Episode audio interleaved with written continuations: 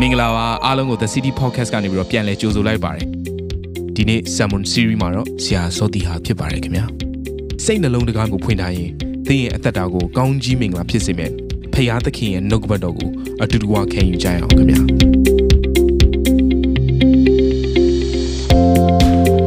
အားလုံးကိုမင်္ဂလာပါလို့နှုတ်ခွန်းဆက်ပါတယ်ကျွန်တော်တို့ဒီနေ့ဝင်ခါမနှုတ်ကပတ်တော်ရဲ့ခေါင်းစဉ်ကတော့မိစင်ပါဆက်ကြိမ်ကျဲအားမင်္ဂလာများမှာလွတ်မြောက်ခြင်းအဲ့တော့ နှုတ်ကပတ်တော် series ကတော့ကိုခန္ဓာစိတ်ဝိညာဉ်နော်အလုံးစုံအဲကျမ်းမာခြင်းလွတ်မြောက်ခြင်းဆိုတော့နှုတ်ကပတ်တော်ကိုကျွန်တော်တို့ဝေငှနေတာအပိုင်း၅ကိုဒီနေ့ကျွန်တော်ဝေငှမှာဖြစ်တယ်ဆိုတော့အပိုင်း1မှာကလေးကဒီနေ့ဝေငှမယ်နှုတ်ကပတ်တော်နဲ့ပတ်သက်တဲ့ overview ကိုကျွန်တော်ပြောခဲ့ပြီးပါပြီဒါကြောင့်အဲ့ဒီတုန်းကပြောခဲ့တဲ့အရာတချို့ကိုလည်းဒီနေ့မှာပြန်လည်ပြီးတော့ထည့်သွင်းပြောချင်ပါတယ်ဘာကြောင့်လဲဆိုတော့ဒီနှုတ်ကပတ်တော်ကကျွန်တော်တို့လူတိုင်းအသက်တာထဲမှာတကယ်ရင်ဆိုင်နေရတာဖြစ်ပေမဲ့တော်တော်များများကဒါကိုသတိမမူမိကြဘူးချို့တွေကလည်း ဒီຢာတွေကိုမယုံကြည်ကြဘူးပေါ့ချို့ကလည်းသိတော့သိတယ်ဒါပေမဲ့အလောက်ကြီး serious เนาะအလောက်ဒီအာယုံဆိုင်ပြီးတော့စဉ်းစားပြီးတော့ဒီຢာတွေကိုငါတို့ရဲ့အသက်တာတွေကဘယ်လိုဖယ်ရှားမလဲဆိုတဲ့ຢာတွေကိုမစဉ်းစားကြဘူးမလှုပ်ဆောင်ကြဘူးဒါကြောင့်ဒီနေ့ဒီနှုတ်ကပတ်တော်ကိုဝင်ခပြီးသွားတဲ့အခါမှာလည်းကိုယ့်ရဲ့အသက်တာထဲမှာနှုတ်ကပတ်တော်ကပြောပြထားတဲ့အတိုင်းပဲเนาะငါတို့ရဲ့ဘိုးဘေးစင်ဆက်ကမှားယွင်းခဲ့တဲ့ຢာတွေသူတို့ပြုတ်ခဲ့တဲ့အဖြစ်တွေဟာငါတို့ရဲ့အသက်တာထဲမှာဘလို့ပုံစံနဲ့လွှမ်းမိုးခြင်းရှိနေလဲဘလို့ပုံစံနဲ့ငါတို့အသက်တာထဲမှာထင်ရှားနေလဲ ဒီຢာတွေတဲကနေငါတို့ဘလို့ယုံထွက်နိုင်မလဲယေရှုခရစ်တော်လက်ဝါးကားတဲ့ပုံမှာခံခဲ့တဲ့တရားတန်ချက်သွန်းလောင်းခဲ့တဲ့အသွေးတော်အဖြစ်ကိုတော်ပေးခဲ့သောမင်္ဂလာဆိုတဲ့အရာဟာဘာတွေပါလဲဆိုတာကိုကျွန်တော်ရှင်းရှင်းလင်းလင်းသိနာလဲဖို့အရေးကြီးပါတယ်လို့ဒါကြောင့်ဒီနေ့မှာကျွန်တော်ဒီနှုတ်ကပတ်တော်လေးကိုလေ့လာဖို့ဖြစ်တယ်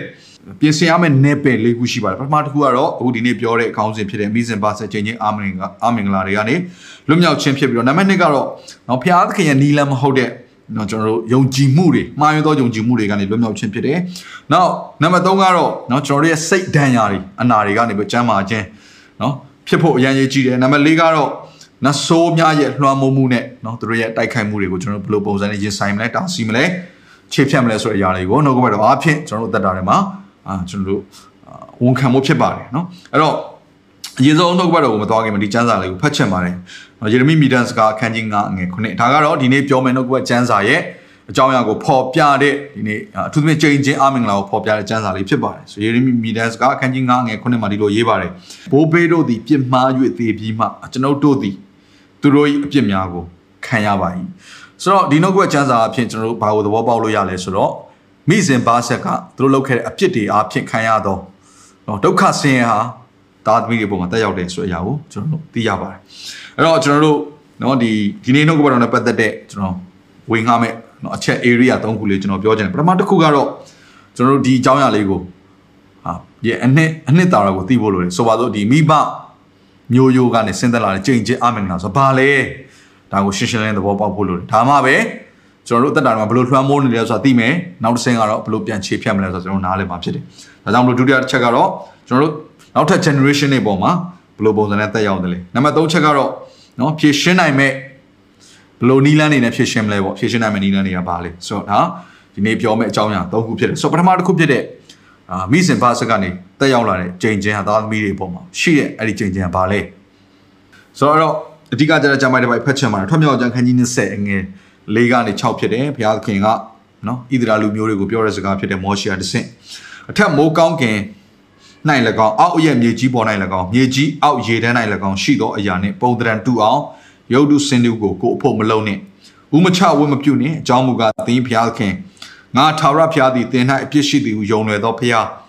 ငါကိုမုံသောသူတို့၏အမျိုးအစဉ်အဆက်တတရားအဆက်စတုဒ္ဒအဆက်တိုင်အောင်အဘတို့၏အပြစ်ကိုသားတို့၌ဆက်ပေးစီရင်သောဘုရားငါကိုချစ်၍ငါပညာတို့ကိုကျင့်တော်သူတို့အမျိုးအစဉ်ဆက်အထောင်တောင်းတိုင်အောင်ဂယုဏကိုပြတော်ဘုရားဖြစ်ဒီကြပိုက်ကိုကျွန်တော် အပိုင်းတင်မာကလေးကရှင်းလင်းခဲ့ပြီးသားဖြစ်ပါတယ်အဲ့တော့ကောင်းကြီးမင်္ဂလာဆိုတော့ဘုရားသခင်ကမျိုးရိုးအစဉ်ဆက်ထောင်တောင်းသူကတက်ရောက်တဲ့ဘုရားဖြစ်ပေမဲ့အပြစ်ပေးတော့မယ်ဆိုရင်တော့တော်တော်လေးကိုနဲတဲ့အပြစ်ပေါ့နော်ဒါမျိုးရိုးထောင်တောင်းမို့တော့မျိုးရိုးစင်ဆက်၄ဆက်တိုင်အောင်ဆိုတော့အတိတ်ဘယ်ကပါလဲဆိုတော့မျိုးဆက်၄ဆက်လောက်အများဆုံးပဲနော်အပြစ်ပြုတ်တင်တယ်ဒီအတော်တွဲမှာ တစုံတစ်ခုသောမျိုးဆက်ကတော့ငါဘက်ကိုပြန်လာပါစေပြန်လှည့်ပါစေဆိုတဲ့သဘောမျိုးနဲ့ဘုရားသခင်ကသူ့ဘက်ကိုပြန်လှည့်လာစေခြင်းတဲ့သဘောနဲ့သတိပေးရုံနော်ဒီသဘောနဲ့သူကအပြစ်တွေကိုအာသူတို့ရဲ့အပေါ်မှာဆက်ပေးတဲ့သဘောရှိပါတယ်။ဘာကြောင့်လဲဆိုတော့ဘုရားသူ့ဘက်ပြန်လှည့်ပြီးဆိုရင်တော့သူကကောင်းကြီးမင်္ဂလာကိုတောက်လျှောက်စီစဉ်တဲ့သဘောရှိတယ်။ဒါကြောင့်ကျွန်တော်တို့ဘယ်လိုနားလဲရလဲဆိုရင်မိမိစင်ပါဆက်ပေါ့ကျွန်တော်တို့ရဲ့ဘိုးဘေးတွေကအပြစ်ပြုမိရင်သူတို့နဲ့ပတ်သက်တဲ့ကြိမ်ချင်းအမင်္ဂလာတက်ရောက်တယ်လို့ပဲသူတို့ကဖျားဖို့ရွေးချယ်ရင်လည်းကောင်းကြီးမင်္ဂလာကကျွန်တော်တို့ မျိုးရိုးစင်ဆက်ပေါ်မှာတက်ရောက်တယ်ဆိုတဲ့အရာလေးကိုကျွန်တော်တို့နားလည်ရပါတယ်အဲ့တော့ဒီကျမ်းစာထဲမှာပဲနော်ဘုရားသခင်မင်းနဲ့တက်တဲ့အပြစ်ကိုသူကရှင်းရှင်းလင်းလင်းပြောထားပြီးသားဖြစ်တယ်အဓိကချက်အားဖြင့်သူကနှစ်မျိုးရှိပါဒါပေမဲ့ဒီနှစ်မျိုးကလည်းအားလုံးအကုန်လုံးဖုံးအော်အော်သူကလွှမ်းခြုံပြီးသားဖြစ်တယ်အကုန်လုံးပါပြီးသားဖြစ်တဲ့သဘောရှိတယ်နံပါတ်1ချက်ကတော့ဘာလဲဆိုတော့သူကယုတ်တုစင်တုနော်ကိုးကွယ်ခြင်းဆိုတဲ့အရာဆိုတော့ဒါကမြင်ရတဲ့အရာတစ်ခုတွေကိုပြောနေတာမဟုတ်ဘဲနဲ့ကျွန်တော်နှလုံးသားထဲမှာနော်မမြင်ရတဲ့ ကျွန်တော်တို့ရဲ့အတွေးခေါ်အကြံစီကျွန်တော်တို့ဆွဲလန်းမှုတွေထဲမှာတစ်စုံတစ်ခုသောအရာကိုဘုရားသခင်ရဲ့နေရာမှာထားမိပြီဆိုရင်ဒါဟာဘုရားသခင်ရှေ့မောက်မှာသူကယုတ်တုအနေနဲ့တတ်မှတ်လိုက်တဲ့သဘောရှိတယ်ကျွန်တော်တို့ငွေကိုဘုရားသခင်ရဲ့အရှိမပထမနေရာထားမိရင်ငွေဟာကျွန်တော်တို့ရဲ့ဖျားဖြစ်လာတဲ့သဘောကိုပြောချင်တာကျွန်တော်တို့ရဲ့ကိလေသာတတ်မှတ်ခြင်းကိုဘုရားသခင်ရှေ့ပထမနေရာမှာထားမိရင်ထိုရာကျွန်တော်တို့ရဲ့ကိုယ်ကွယ်မှုဖြစ်လာတဲ့သဘောပဲအဲ့လိုပဲကိုယ့်ရဲ့အရေးမိသားစုအရေးကိုဘုရားသခင်ရဲ့အရေးဘုရားသခင်ထက်ပို့ပြီးတော့ဆွဲလန်းမဲ့ချစ်ခင်မဲ့ဆိုရင် ဒီຢာတွေဟာကျွန်တော်တို့ရဲ့ဖျားဖြစ်လာတဲ့သဘောဒါကြောင့်ဘုရားသခင်သူ့ရဲ့နေရာမှာဘယ်ရာကိုမှအစာမထိုးစေချင်ဘူး။ဘာကြောင့်လဲဆိုတော့ဘုရားသခင်ဆိုတဲ့ຢာကိုကျွန်တော်တက်တာထဲမှာပထမမထားဘဲနဲ့အခြားသောຢာများကိုဥထိတ်ထားလိုက်တဲ့ခါမှာထိုຢာများကပေးလာတဲ့ຢာခုစီတိုင်းဒီကျွန်တော်တို့အတွက်ကောင်းသောຢာတွေမဟုတ်တော့ဘူး။နော်။အားလုံးဟာအပြစ်ဆိုတဲ့ဒူးစရိုက်လမ်းတွေကိုဘုရားကိုပြင်မာခြင်းဆိုတဲ့တဲကိုပဲသူကဥတီသွားတာဖြစ်တယ်။ဆိုတော့ကျွန်တော်တို့ဣသရေလလူမျိုးတွေရဲ့အသက်တာတွေကိုကြည့်လိုက်တဲ့ခါမှာ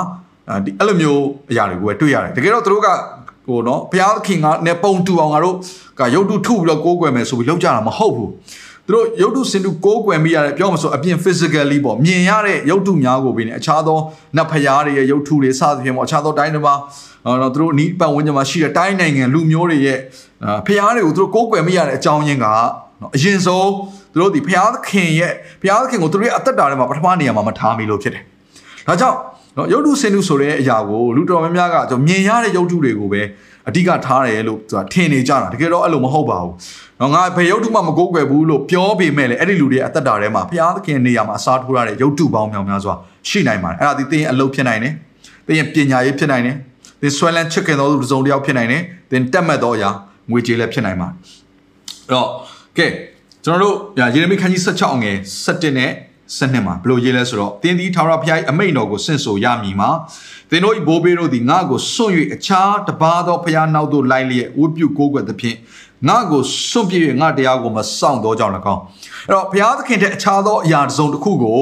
ကျွန်တော်တို့ရဲ့အသက်တာပထမနေရာမှာထားလိုက်ရင်ဘာဖြစ်လာမလဲဆိုတော့ဘိုးဘေးကျင့်သောအကျင့်ထက်သင်တို့သည်တာ၍ဆိုးသောအကျင့်ကိုကျင့်သဖြင့်ငါစကားကိုနားမထောင်မိမိတို့ဆိုးသောစိတ်နှလုံးခိုင်းမာသောသဘောသို့လိုက်သောကြောင်း၎င်း သင်တို့နှင့်သင်တို့၏ဘိုးဘေးမသိသောပြည်သို့ဤပြည်တဲကသင်တို့ကိုနှင်လိုက်မည်ထိုပြည်သည်၌သင်တို့သည်ငါ၏ဂျေဇုကိုမခံရအခြားတစ်ပါးသောဘုရားတို့ကိုနေညမပြတ်ဝတ်ပြုကြရမည်ဆိုတော့အခြားတစ်ပါးသောဘုရားတို့ကိုနေညမပြတ်ဝတ်ပြုရကြမည်ဆိုတော့အဲ့ဒီသူတို့တိုင်းနေတဲ့အရာတွေကိုပဲသူတို့ကိုးကွယ်လို့ရအောင်ဘုရားထည့်ပေးလိုက်တယ်ဆိုတော့နောက်ဆုံးကြတော့အဲကျွန်တော်တို့ဆွဲလန်းတဲ့အရာကကျွန်တော်တို့ရဲ့ဘုရားဖြစ်လာပြီးတော့เนาะခရိယန်လို့တော့အမည်ခံထားတယ်ဒါပေမဲ့ဟုတ်တယ်လို့လို့ပဲ သို့တော်လည်းပဲကျွန်တော်တို့စိတ်နှလုံးဆွဲလန်းသောအရာတွေကိုကျွန်တော်တို့ကိုးကွယ်နေကြတာဖြစ်တယ်ဆိုတော့ဒါကဘုရားသခင်လောကမနစ်သက်တဲ့အမှုဖြစ်တယ်ဒါကြောင့်ဒီနေ့မှာပဲသင်ရဲ့နှလုံးသားထဲမှာဘုရားသခင်ထက်ဘယ်အရာတွေကဦးစားပေးဖြစ်ထားနေလေဘုရားသခင်နဲ့ဆိုင်တဲ့အရာတွေကကျွန်တော်တို့တက်တာထဲမှာထိတ်ဆုံးမှရှိရမှာအရာဖြစ်တယ်။ကနံပါတ်1ကတော့ညဉ့်ညူးသောအဖြစ်เนาะဒီစောစောကကျွန်တော်ဖတ်ခဲ့တဲ့အာထွက်မြောက်ကြခန်းကြီး20ငယ်၄6မှာဖတ်ခဲ့တဲ့အတိုင်းပါပဲเนาะအာသူကအဲ့ဒီအရာကိုကြည့်လိုက်မယ်ဆိုရင်သူကညဉ့်ညူးသောအဖြစ်ထဲကိုရောက်သွားတဲ့ အရာကနော်ဖျားသခင်လုံးဝမနှိမ့်တဲ့အရာတစ်ခုဖြစ်တယ်ယေရမိခန်းကြီး7ခွန်ငယ်9:30မှာစိတ်နှလုံးသည်ခတ်သိမ်းသောအရာထက်ဆင်းလဲတဲ့အခုကျွန်တော်ညင်ညူးသောအပြစ်လို့ပြောတဲ့အခါမှာအင်္ဂလိပ်ကျမ်းစာထဲမှာဆိုရင်သူက iniquity လို့ပြောတယ် iniquity လို့ပြောရင်သူကကိုခန္ဓာထက်လွန်ကျူးကိုခန္ဓာကိုခန္ဓာနဲ့သူကလွန်ကျူးတဲ့အပြစ်ပုံစံမျိုးကိုပြောတာမဟုတ်ဘူးအာသူကနောက်စိတ်နဲ့ပြင်းမာခြင်းဆိုတဲ့အပြစ်မျိုးကိုပြောတာမဟုတ်ဘဲနဲ့သူ့ရဲ့သဘောတရားသူကနှလုံးသားထဲမှာ အတွင်းဝိညာဉ်ထဲမှာအမြင့်ဆွဲသွားတဲ့အဖြစ်မျိုးကိုပြောနေတာဆိုတော့အတွင်းသဘောပေါ့နော်ကျွန်တော်ဒီလိုပြောလို့ရတာပေါ့အတွင်းသဘော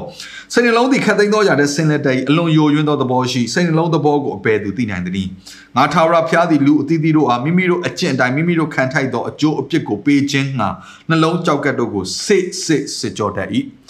ဒါဆိုလူတွေကပြင်းမာတဲ့အပြစ်အတိုင်ဘုရားသခင်ကသူတို့ရဲ့နော်အသက်တာထဲမှာပြန်ပြီးတော့သူက မိမိစိုက်တဲ့အတိုင်းအသီးနှံကိုပြန်ရိတ်ခိုင်းတယ်ပေါ့ဒီသဘောဒီကျမ်းစာပြောနေတာတိုးတော်လည်းပဲဒီကျမ်းစာကနော်အဲ့ဒီအကျင့်အလျောက်သူကဆက်ပေးဖို့ရန်အတွက်ဘုရားကဘယ်နေရာကိုစစ်ဆေးလဲဆိုရင်တဲ့အတွင်းသဘောကိုစစ်ဆေးတယ်ဒီနေရာမှာနှလုံးเนาะကျွန်တော်တို့ကြောက်ကတ်တို့စစ်စစ်စစ်စစ်စစ်ကြောတက်ဤလို့ဒီလိုပုံစံမျိုးလေးရေးထားတာ အဲ့တော့ပြောချင်တာကကျွန်တော်တို့ရဲ့အတွင်းသဘောဘယ်သူမှမသိဘူးကျွန်တော်တို့ပဲသိတယ်အတွင်းသဘောတွေကညဉ့်ညူးခြင်းတွေအကုန်လုံးသူစစ်ဆေးတယ်ကျွန်တော်တို့ အာစဉ်းစားတွေးခေါ်တဲ့အရာကျွန်တော်တို့ခံယူချက်သဘောတွေကျွန်တော်တို့ရဲ့ယုံကြည်မှုเนาะကျွန်တော်တို့အာရွေးတဲ့လမ်းတွေရွေးဖို့ပြင်ဆင်နေတဲ့အကြံစီတွေအားလုံးအသေးစိတ်အကုန်လုံးကိုဘုရားရှိမှာကျွန်တော်တို့ကဘာမှဖွက်ထားလို့မရတဲ့အတွက်ကြောင့်မလို့ဘုရားသခင်အဲ့သဘောတရားတွေကထွက်လာသောအမှုအကျင့်များကိုပင်ဘုရားသခင်စစ်ဆေးတယ်ဆိုတော့တစ်ခါတည်းမှာအတွေးသဘောကညဉ့်ညူးတယ်အပြင်အပြင်မှာကြည့်လိုက်တဲ့အခါမှာဟန်ဆောင်မှုအပြည့်ရှိနိုင်တယ်ဒါပေမဲ့ဘုရားကအတွေးသဘောကိုစစ်ဆေးရတဲ့ကြောင့်မလို့အဲ့ဒီအပြင်ကဟန်ဆောင်ပြီးလှုပ်ဆောင်တဲ့လှူဒန်းခြင်းတွေဖြစ်နိုင်တယ်အမှုဆောင်ခြင်းတွေဖြစ်နိုင်တယ် သူတစ်ပါးကိုသွားပြီးတော့နော်အာကျွန်တော်တို့ကောင်းတဲ့အရာတွေပြုတာဖြစ်ကောင်းဖြစ်နိုင်တယ်သို့တော်လည်းသူကနော်အတွင်းသဘောကမမှန်ဘူးလေအတွင်းသဘောထဲမှာ तू ကလှည့်စားတဲ့စိတ်နဲ့အကျိုးတစုံတစ်ခုကိုလိုချင်လို့ तू ကလုပ်နေတာဖြစ်တယ်ဆိုတော့အဲ့ဒီသူ့ရဲ့နောက်ွယ်ကခံစားချက်နဲ့နောက်ွယ်ကအကြံစီကြီးကိုကြောင့်ဘယ်သူမှမသိဘူးသို့တော်လည်းဘယ်သူသိတယ်ဆိုတော့ဘုရားသခင်သိတယ်အဲ့တော့ဘုရားသခင်အဲ့ဒါကိုဘယ်လိုခေါ်လဲဆို iniquity လို့ခေါ်တယ်အဲကြောင့်ကျွန်တော်လှည့်စားခြင်းတွေနော်နောက်ညဉ့်ညူးသောဒူးစရိုက် နော်ပြည့်နှက်နေတဲ့လှည့်စားခြင်းပြည့်နှက်နေတဲ့ညဉ့်ညူသောဒုစရိုက်တွေအားလုံးကဘယ်ကထွက်လာလဲဆိုရင် iniquity လို့ခေါ်တဲ့အတွင်းသဘောမမှန်ခြင်းကနေပြီးတော့ထွက်လာတာဖြစ်တယ်အဲ့တော့ဘုရားသခင်ကဒီကျွန်တော်တို့ကိုအဲ့ဒီလိုမျိုးသဘောနဲ့မရှိကြခြင်းဆိုတော့ဒါဟာဆိုတော့ကျွန်တော်ဖတ်ခဲ့တဲ့ပထမအဆုံးကျမ်းစာအရနော်ထွက်မြောက်ကျမ်းခန်းကြီး20ကဘုရားသခင်မောရှေနဲ့ဣသရေလလူကိုသတိပေးတဲ့ကျမ်းစာအရ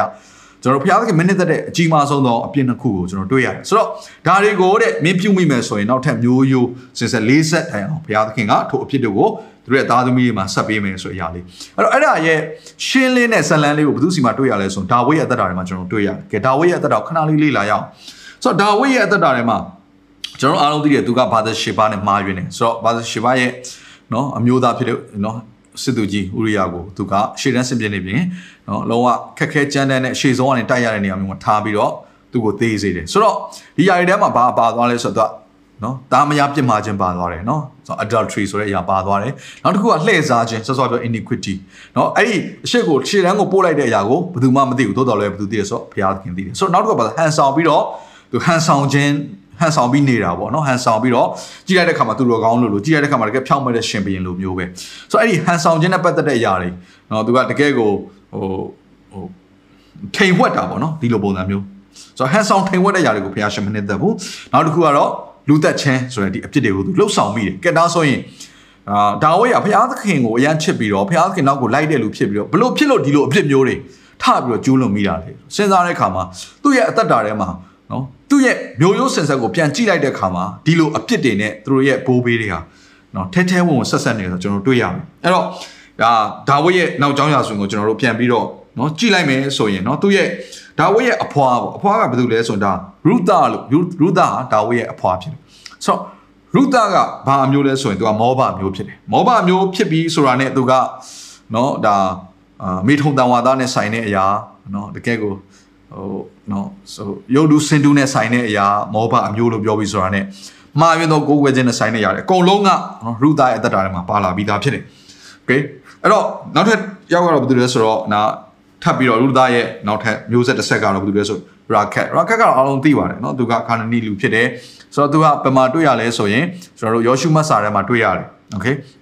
အဲ့တော့ယေရီခေါမျိုးကိုတိမ့်တဲ့ခါမှာသူကဘာအလုပ်ကိုလုပ်လဲဆိုတော့သူကပြည်တဲ့စာအလုပ်ကိုလုပ်တော်သူဖြစ်တယ်เนาะဆိုတော့ပြောရမယ်ဆိုရင်သူကဒီလုပ်ငန်းနဲ့ပတ်သက်ပြီးတော့စီးပွားရေးเนาะစိုင်ဖွင့်ထားသောသူလည်းဖြစ်တယ်ဆိုရင်မမှားဘူးပေါ့အဲ့တော့ဒီအပြစ်ကြီးတဲ့ကိုကျိုးလွန်လာတဲ့အဲ့ဒီအဲ့ဒီအပြစ်ပေါ့เนาะဒီ sex နဲ့ပိုင်းသက်ဆိုင်တဲ့အပြစ်เนาะလိန်နဲ့ ဒီအသက်အသွေးသားတက်မှတ်ခြင်းနဲ့ကာမဂုဏ်လွန်ကျူးခြင်းနဲ့သက်ဆိုင်တဲ့အပြစ်ဟာဘယ်သူစီမှာရှိပြီးသားပဲဆိုရင်ဘာခက်အသက်တာထဲမှာရှိတယ်။ယာကုပ်ရဲ့သားဆန်ယောက်ထက်ကယူဒာဘာလို့ယူဒာဒါဝိဒ်ကယူဒာအနွယ်ကဟုတ်ဆိုတော့ယူဒာကရောသူ့ရဲ့ချွေးမတာမာနဲ့သူကနော်ပြင်မာမိတဲ့အရာမှားယွင်းခြင်းအပြစ်ကိုသွားပြီးတွေ့ရသလိုနောက်ဆုံးကတော့သူ့ရဲ့အဖေဖြစ်တဲ့နော်ယူဒာရဲ့အဖေဖြစ်တဲ့ယာကုပ်ကလိန်လေလှည့်ဖြာတော်သူဖြစ်တယ်ဆိုတော့အဲ့ဒီသူတို့ပြုလုပ်ခဲ့တဲ့အပြစ်တွေနဲ့ဆိုင်တဲ့လိန်လေခြင်းထိန်ချန်ခြင်းလျှို့ဝှက်ခြင်းနော်အာနောက်နော် သူတို့ဘာအသက်ကိုတတ်ချင်းဆိုတဲ့အရာတွေစသဖြင့်ပေါ့နော်တခုကပြစ်မှားခြင်းတွေးသားနဲ့သက်ဆိုင်တဲ့ပြစ်မှားခြင်းအားလုံးဟာဒါဝိအသက်တာတွေမှာ influence လွှမ်းမိုးခြင်းဖြစ်လာသွေးဆောင်ခြင်းဖြစ်လာနှိုးဆော်ခြင်းဖြစ်လာတဲ့အခါမှာအမြင်လေးတစ်ချက်မြင်လိုက်တာနဲ့ဒါဝိကတခါလေဆုံးဖြတ်ချက်မချနိုင်တော့ဘဲနဲ့မာယွန်းရဲ့လမ်းတွေကိုသူ့ရဲ့ဘိုးဘေးတွေရဲ့လမ်းတွေကိုလိုက်သွားတယ်ဆိုတဲ့အရာလေးကိုကျွန်တော်တွေ့ရတယ်။အဲ့ဒါကိုသင်သဘောတူချင်မှသဘောတူလိမ့်မယ်။ Okay ။ဒါပေမဲ့ဆက်ပြီးတော့ကျွန်တော်ကျမ်းစာတွေကိုဖတ်လိုက်တဲ့အခါမှာဘုရားသခင်ကျမ်းစာတွေမှာဘယ်လိုပဲမှတ်တမ်းတင်လဲဆိုတော့ နော်တစုံတယောက်အပြစ်ပြုတ်မိပြီဆိုရင်သူကဘယ်လိုရေးလဲဆိုတော့ကျမ်းစာထဲမှာသူတို့ဘိုးဘေးရဲ့အပြစ်တွေကိုလိုက်သွားတယ်ဘိုးဘေးအပြစ်တွေတဲ့တောင်ကြော်လွန်ပြီးတော့လှုပ်တယ်ဘောဘိုးဘေးတွေရဲ့လမ်းထဲမှာရှောက်သွားတယ်ဒီလိုပဲမှတ်တမ်းတင်တယ်ဒါကြောင့်ဘုရားသခင်ကအရင်တော့ဘိုးဘေးလှုပ်ဆောင်တဲ့အဖြစ်တွေကိုသူကဖျောက်လိုက်တာမဟုတ်ဘဲနဲ့ဒီတယောက်ဟာဒီအဖြစ်ထဲကိုလိုက်သွားတယ်ဆိုရင်သူကဘိုးဘေးနဲ့ဆိုင်တဲ့အဖြစ်ကိုတခါတည်း အဲ့လမ်းကြောင်းနဲ့အတူတူပဲဆိုတဲ့အရာကိုသူကလှမ်းပြီးတော့ချိတ်တဲ့ကျမ်းစာလေးကိုကျွန်တော်အများကြီးတွေ့ရပါတယ်เนาะအထူးသဖြင့်ဓမ္မရာဆိုရင်စာဆောင်ထဲမှာဆိုရင်ရှင်ဘုရင်တွေယူဒရှင်ဘုရင်ဆက်ဆက်ရဲ့ပြစ်မှားခြင်းတွေဣသရေလရှင်ဘုရင်ဆက်ဆက်ရဲ့ပြစ်မှားခြင်းတွေအားလုံးဟာသူကမျိုးရိုးစင်ဆက်ကနေပြီးတော့ဆင်းသက်လာတဲ့အရာတွေဖြစ်တယ်เนาะအဘိုးရဲ့လမ်းကိုလိုက်တယ်အဖေရဲ့လမ်းကိုလိုက်တယ်ဆိုစကလုံးတွေကျမ်းစာထဲမှာအများကြီးတွေ့ရတယ်ဒါကြောင့်ကျွန်တော်ပြောပြမယ်တခါတည်းမှာအခုသင် မှားယူပြီးလှုပ်ဆောင်တဲ့အရာတွေတင်သိရတာအပြစ်ဆိုတာဒူးစရိုက်ဆိုတာသိရတယ်ဒါပေမဲ့တင်လှုပ်လိုက်တယ်တခါတည်းမှာဒီလှုပ်ဒီအဖြစ်ကျုံကဘာကြောင့်လှုပ်မိပါလဲလို့ကိုယ့်အကူတော်မေးခွန်းထုတ်ကောင်းထုတ်မိလိမ့်မယ်ဆိုတော့ဘုရားသခင်ရှေ့မောက်မှာကျတော့အော်သူဟာသူ့ဘိုးဘေးတွေအပြစ်ကိုဆက်ပြီးတော့လုံနေပါလားဆိုတော့အဲ့မှတ်တမ်းကြီးသူကရှိသွားတာဆိုတော့ကျွန်တော်တို့အသီးသီးရဲ့မှတ်တမ်းဘုရားသခင်ရှေ့မှာဖြောင့်မတ်ခြင်းမှန်ကန်ခြင်းသရှင်းခြင်းဆိုတဲ့အရာရှိဖို့လိုတဲ့အတွက်ကြောင့်မလို့ဒီနှုတ်ကပတ်တော်အင်မတန်မှအရေးကြီးပါတယ်ကဲဒါဆိုရင်ဒါဝိရဲ့နော်ဘိုးဘေးဆက်ဆက်ကဆင့်သက်လာတဲ့ဒီလွှမ်းမိုးမှုနဲ့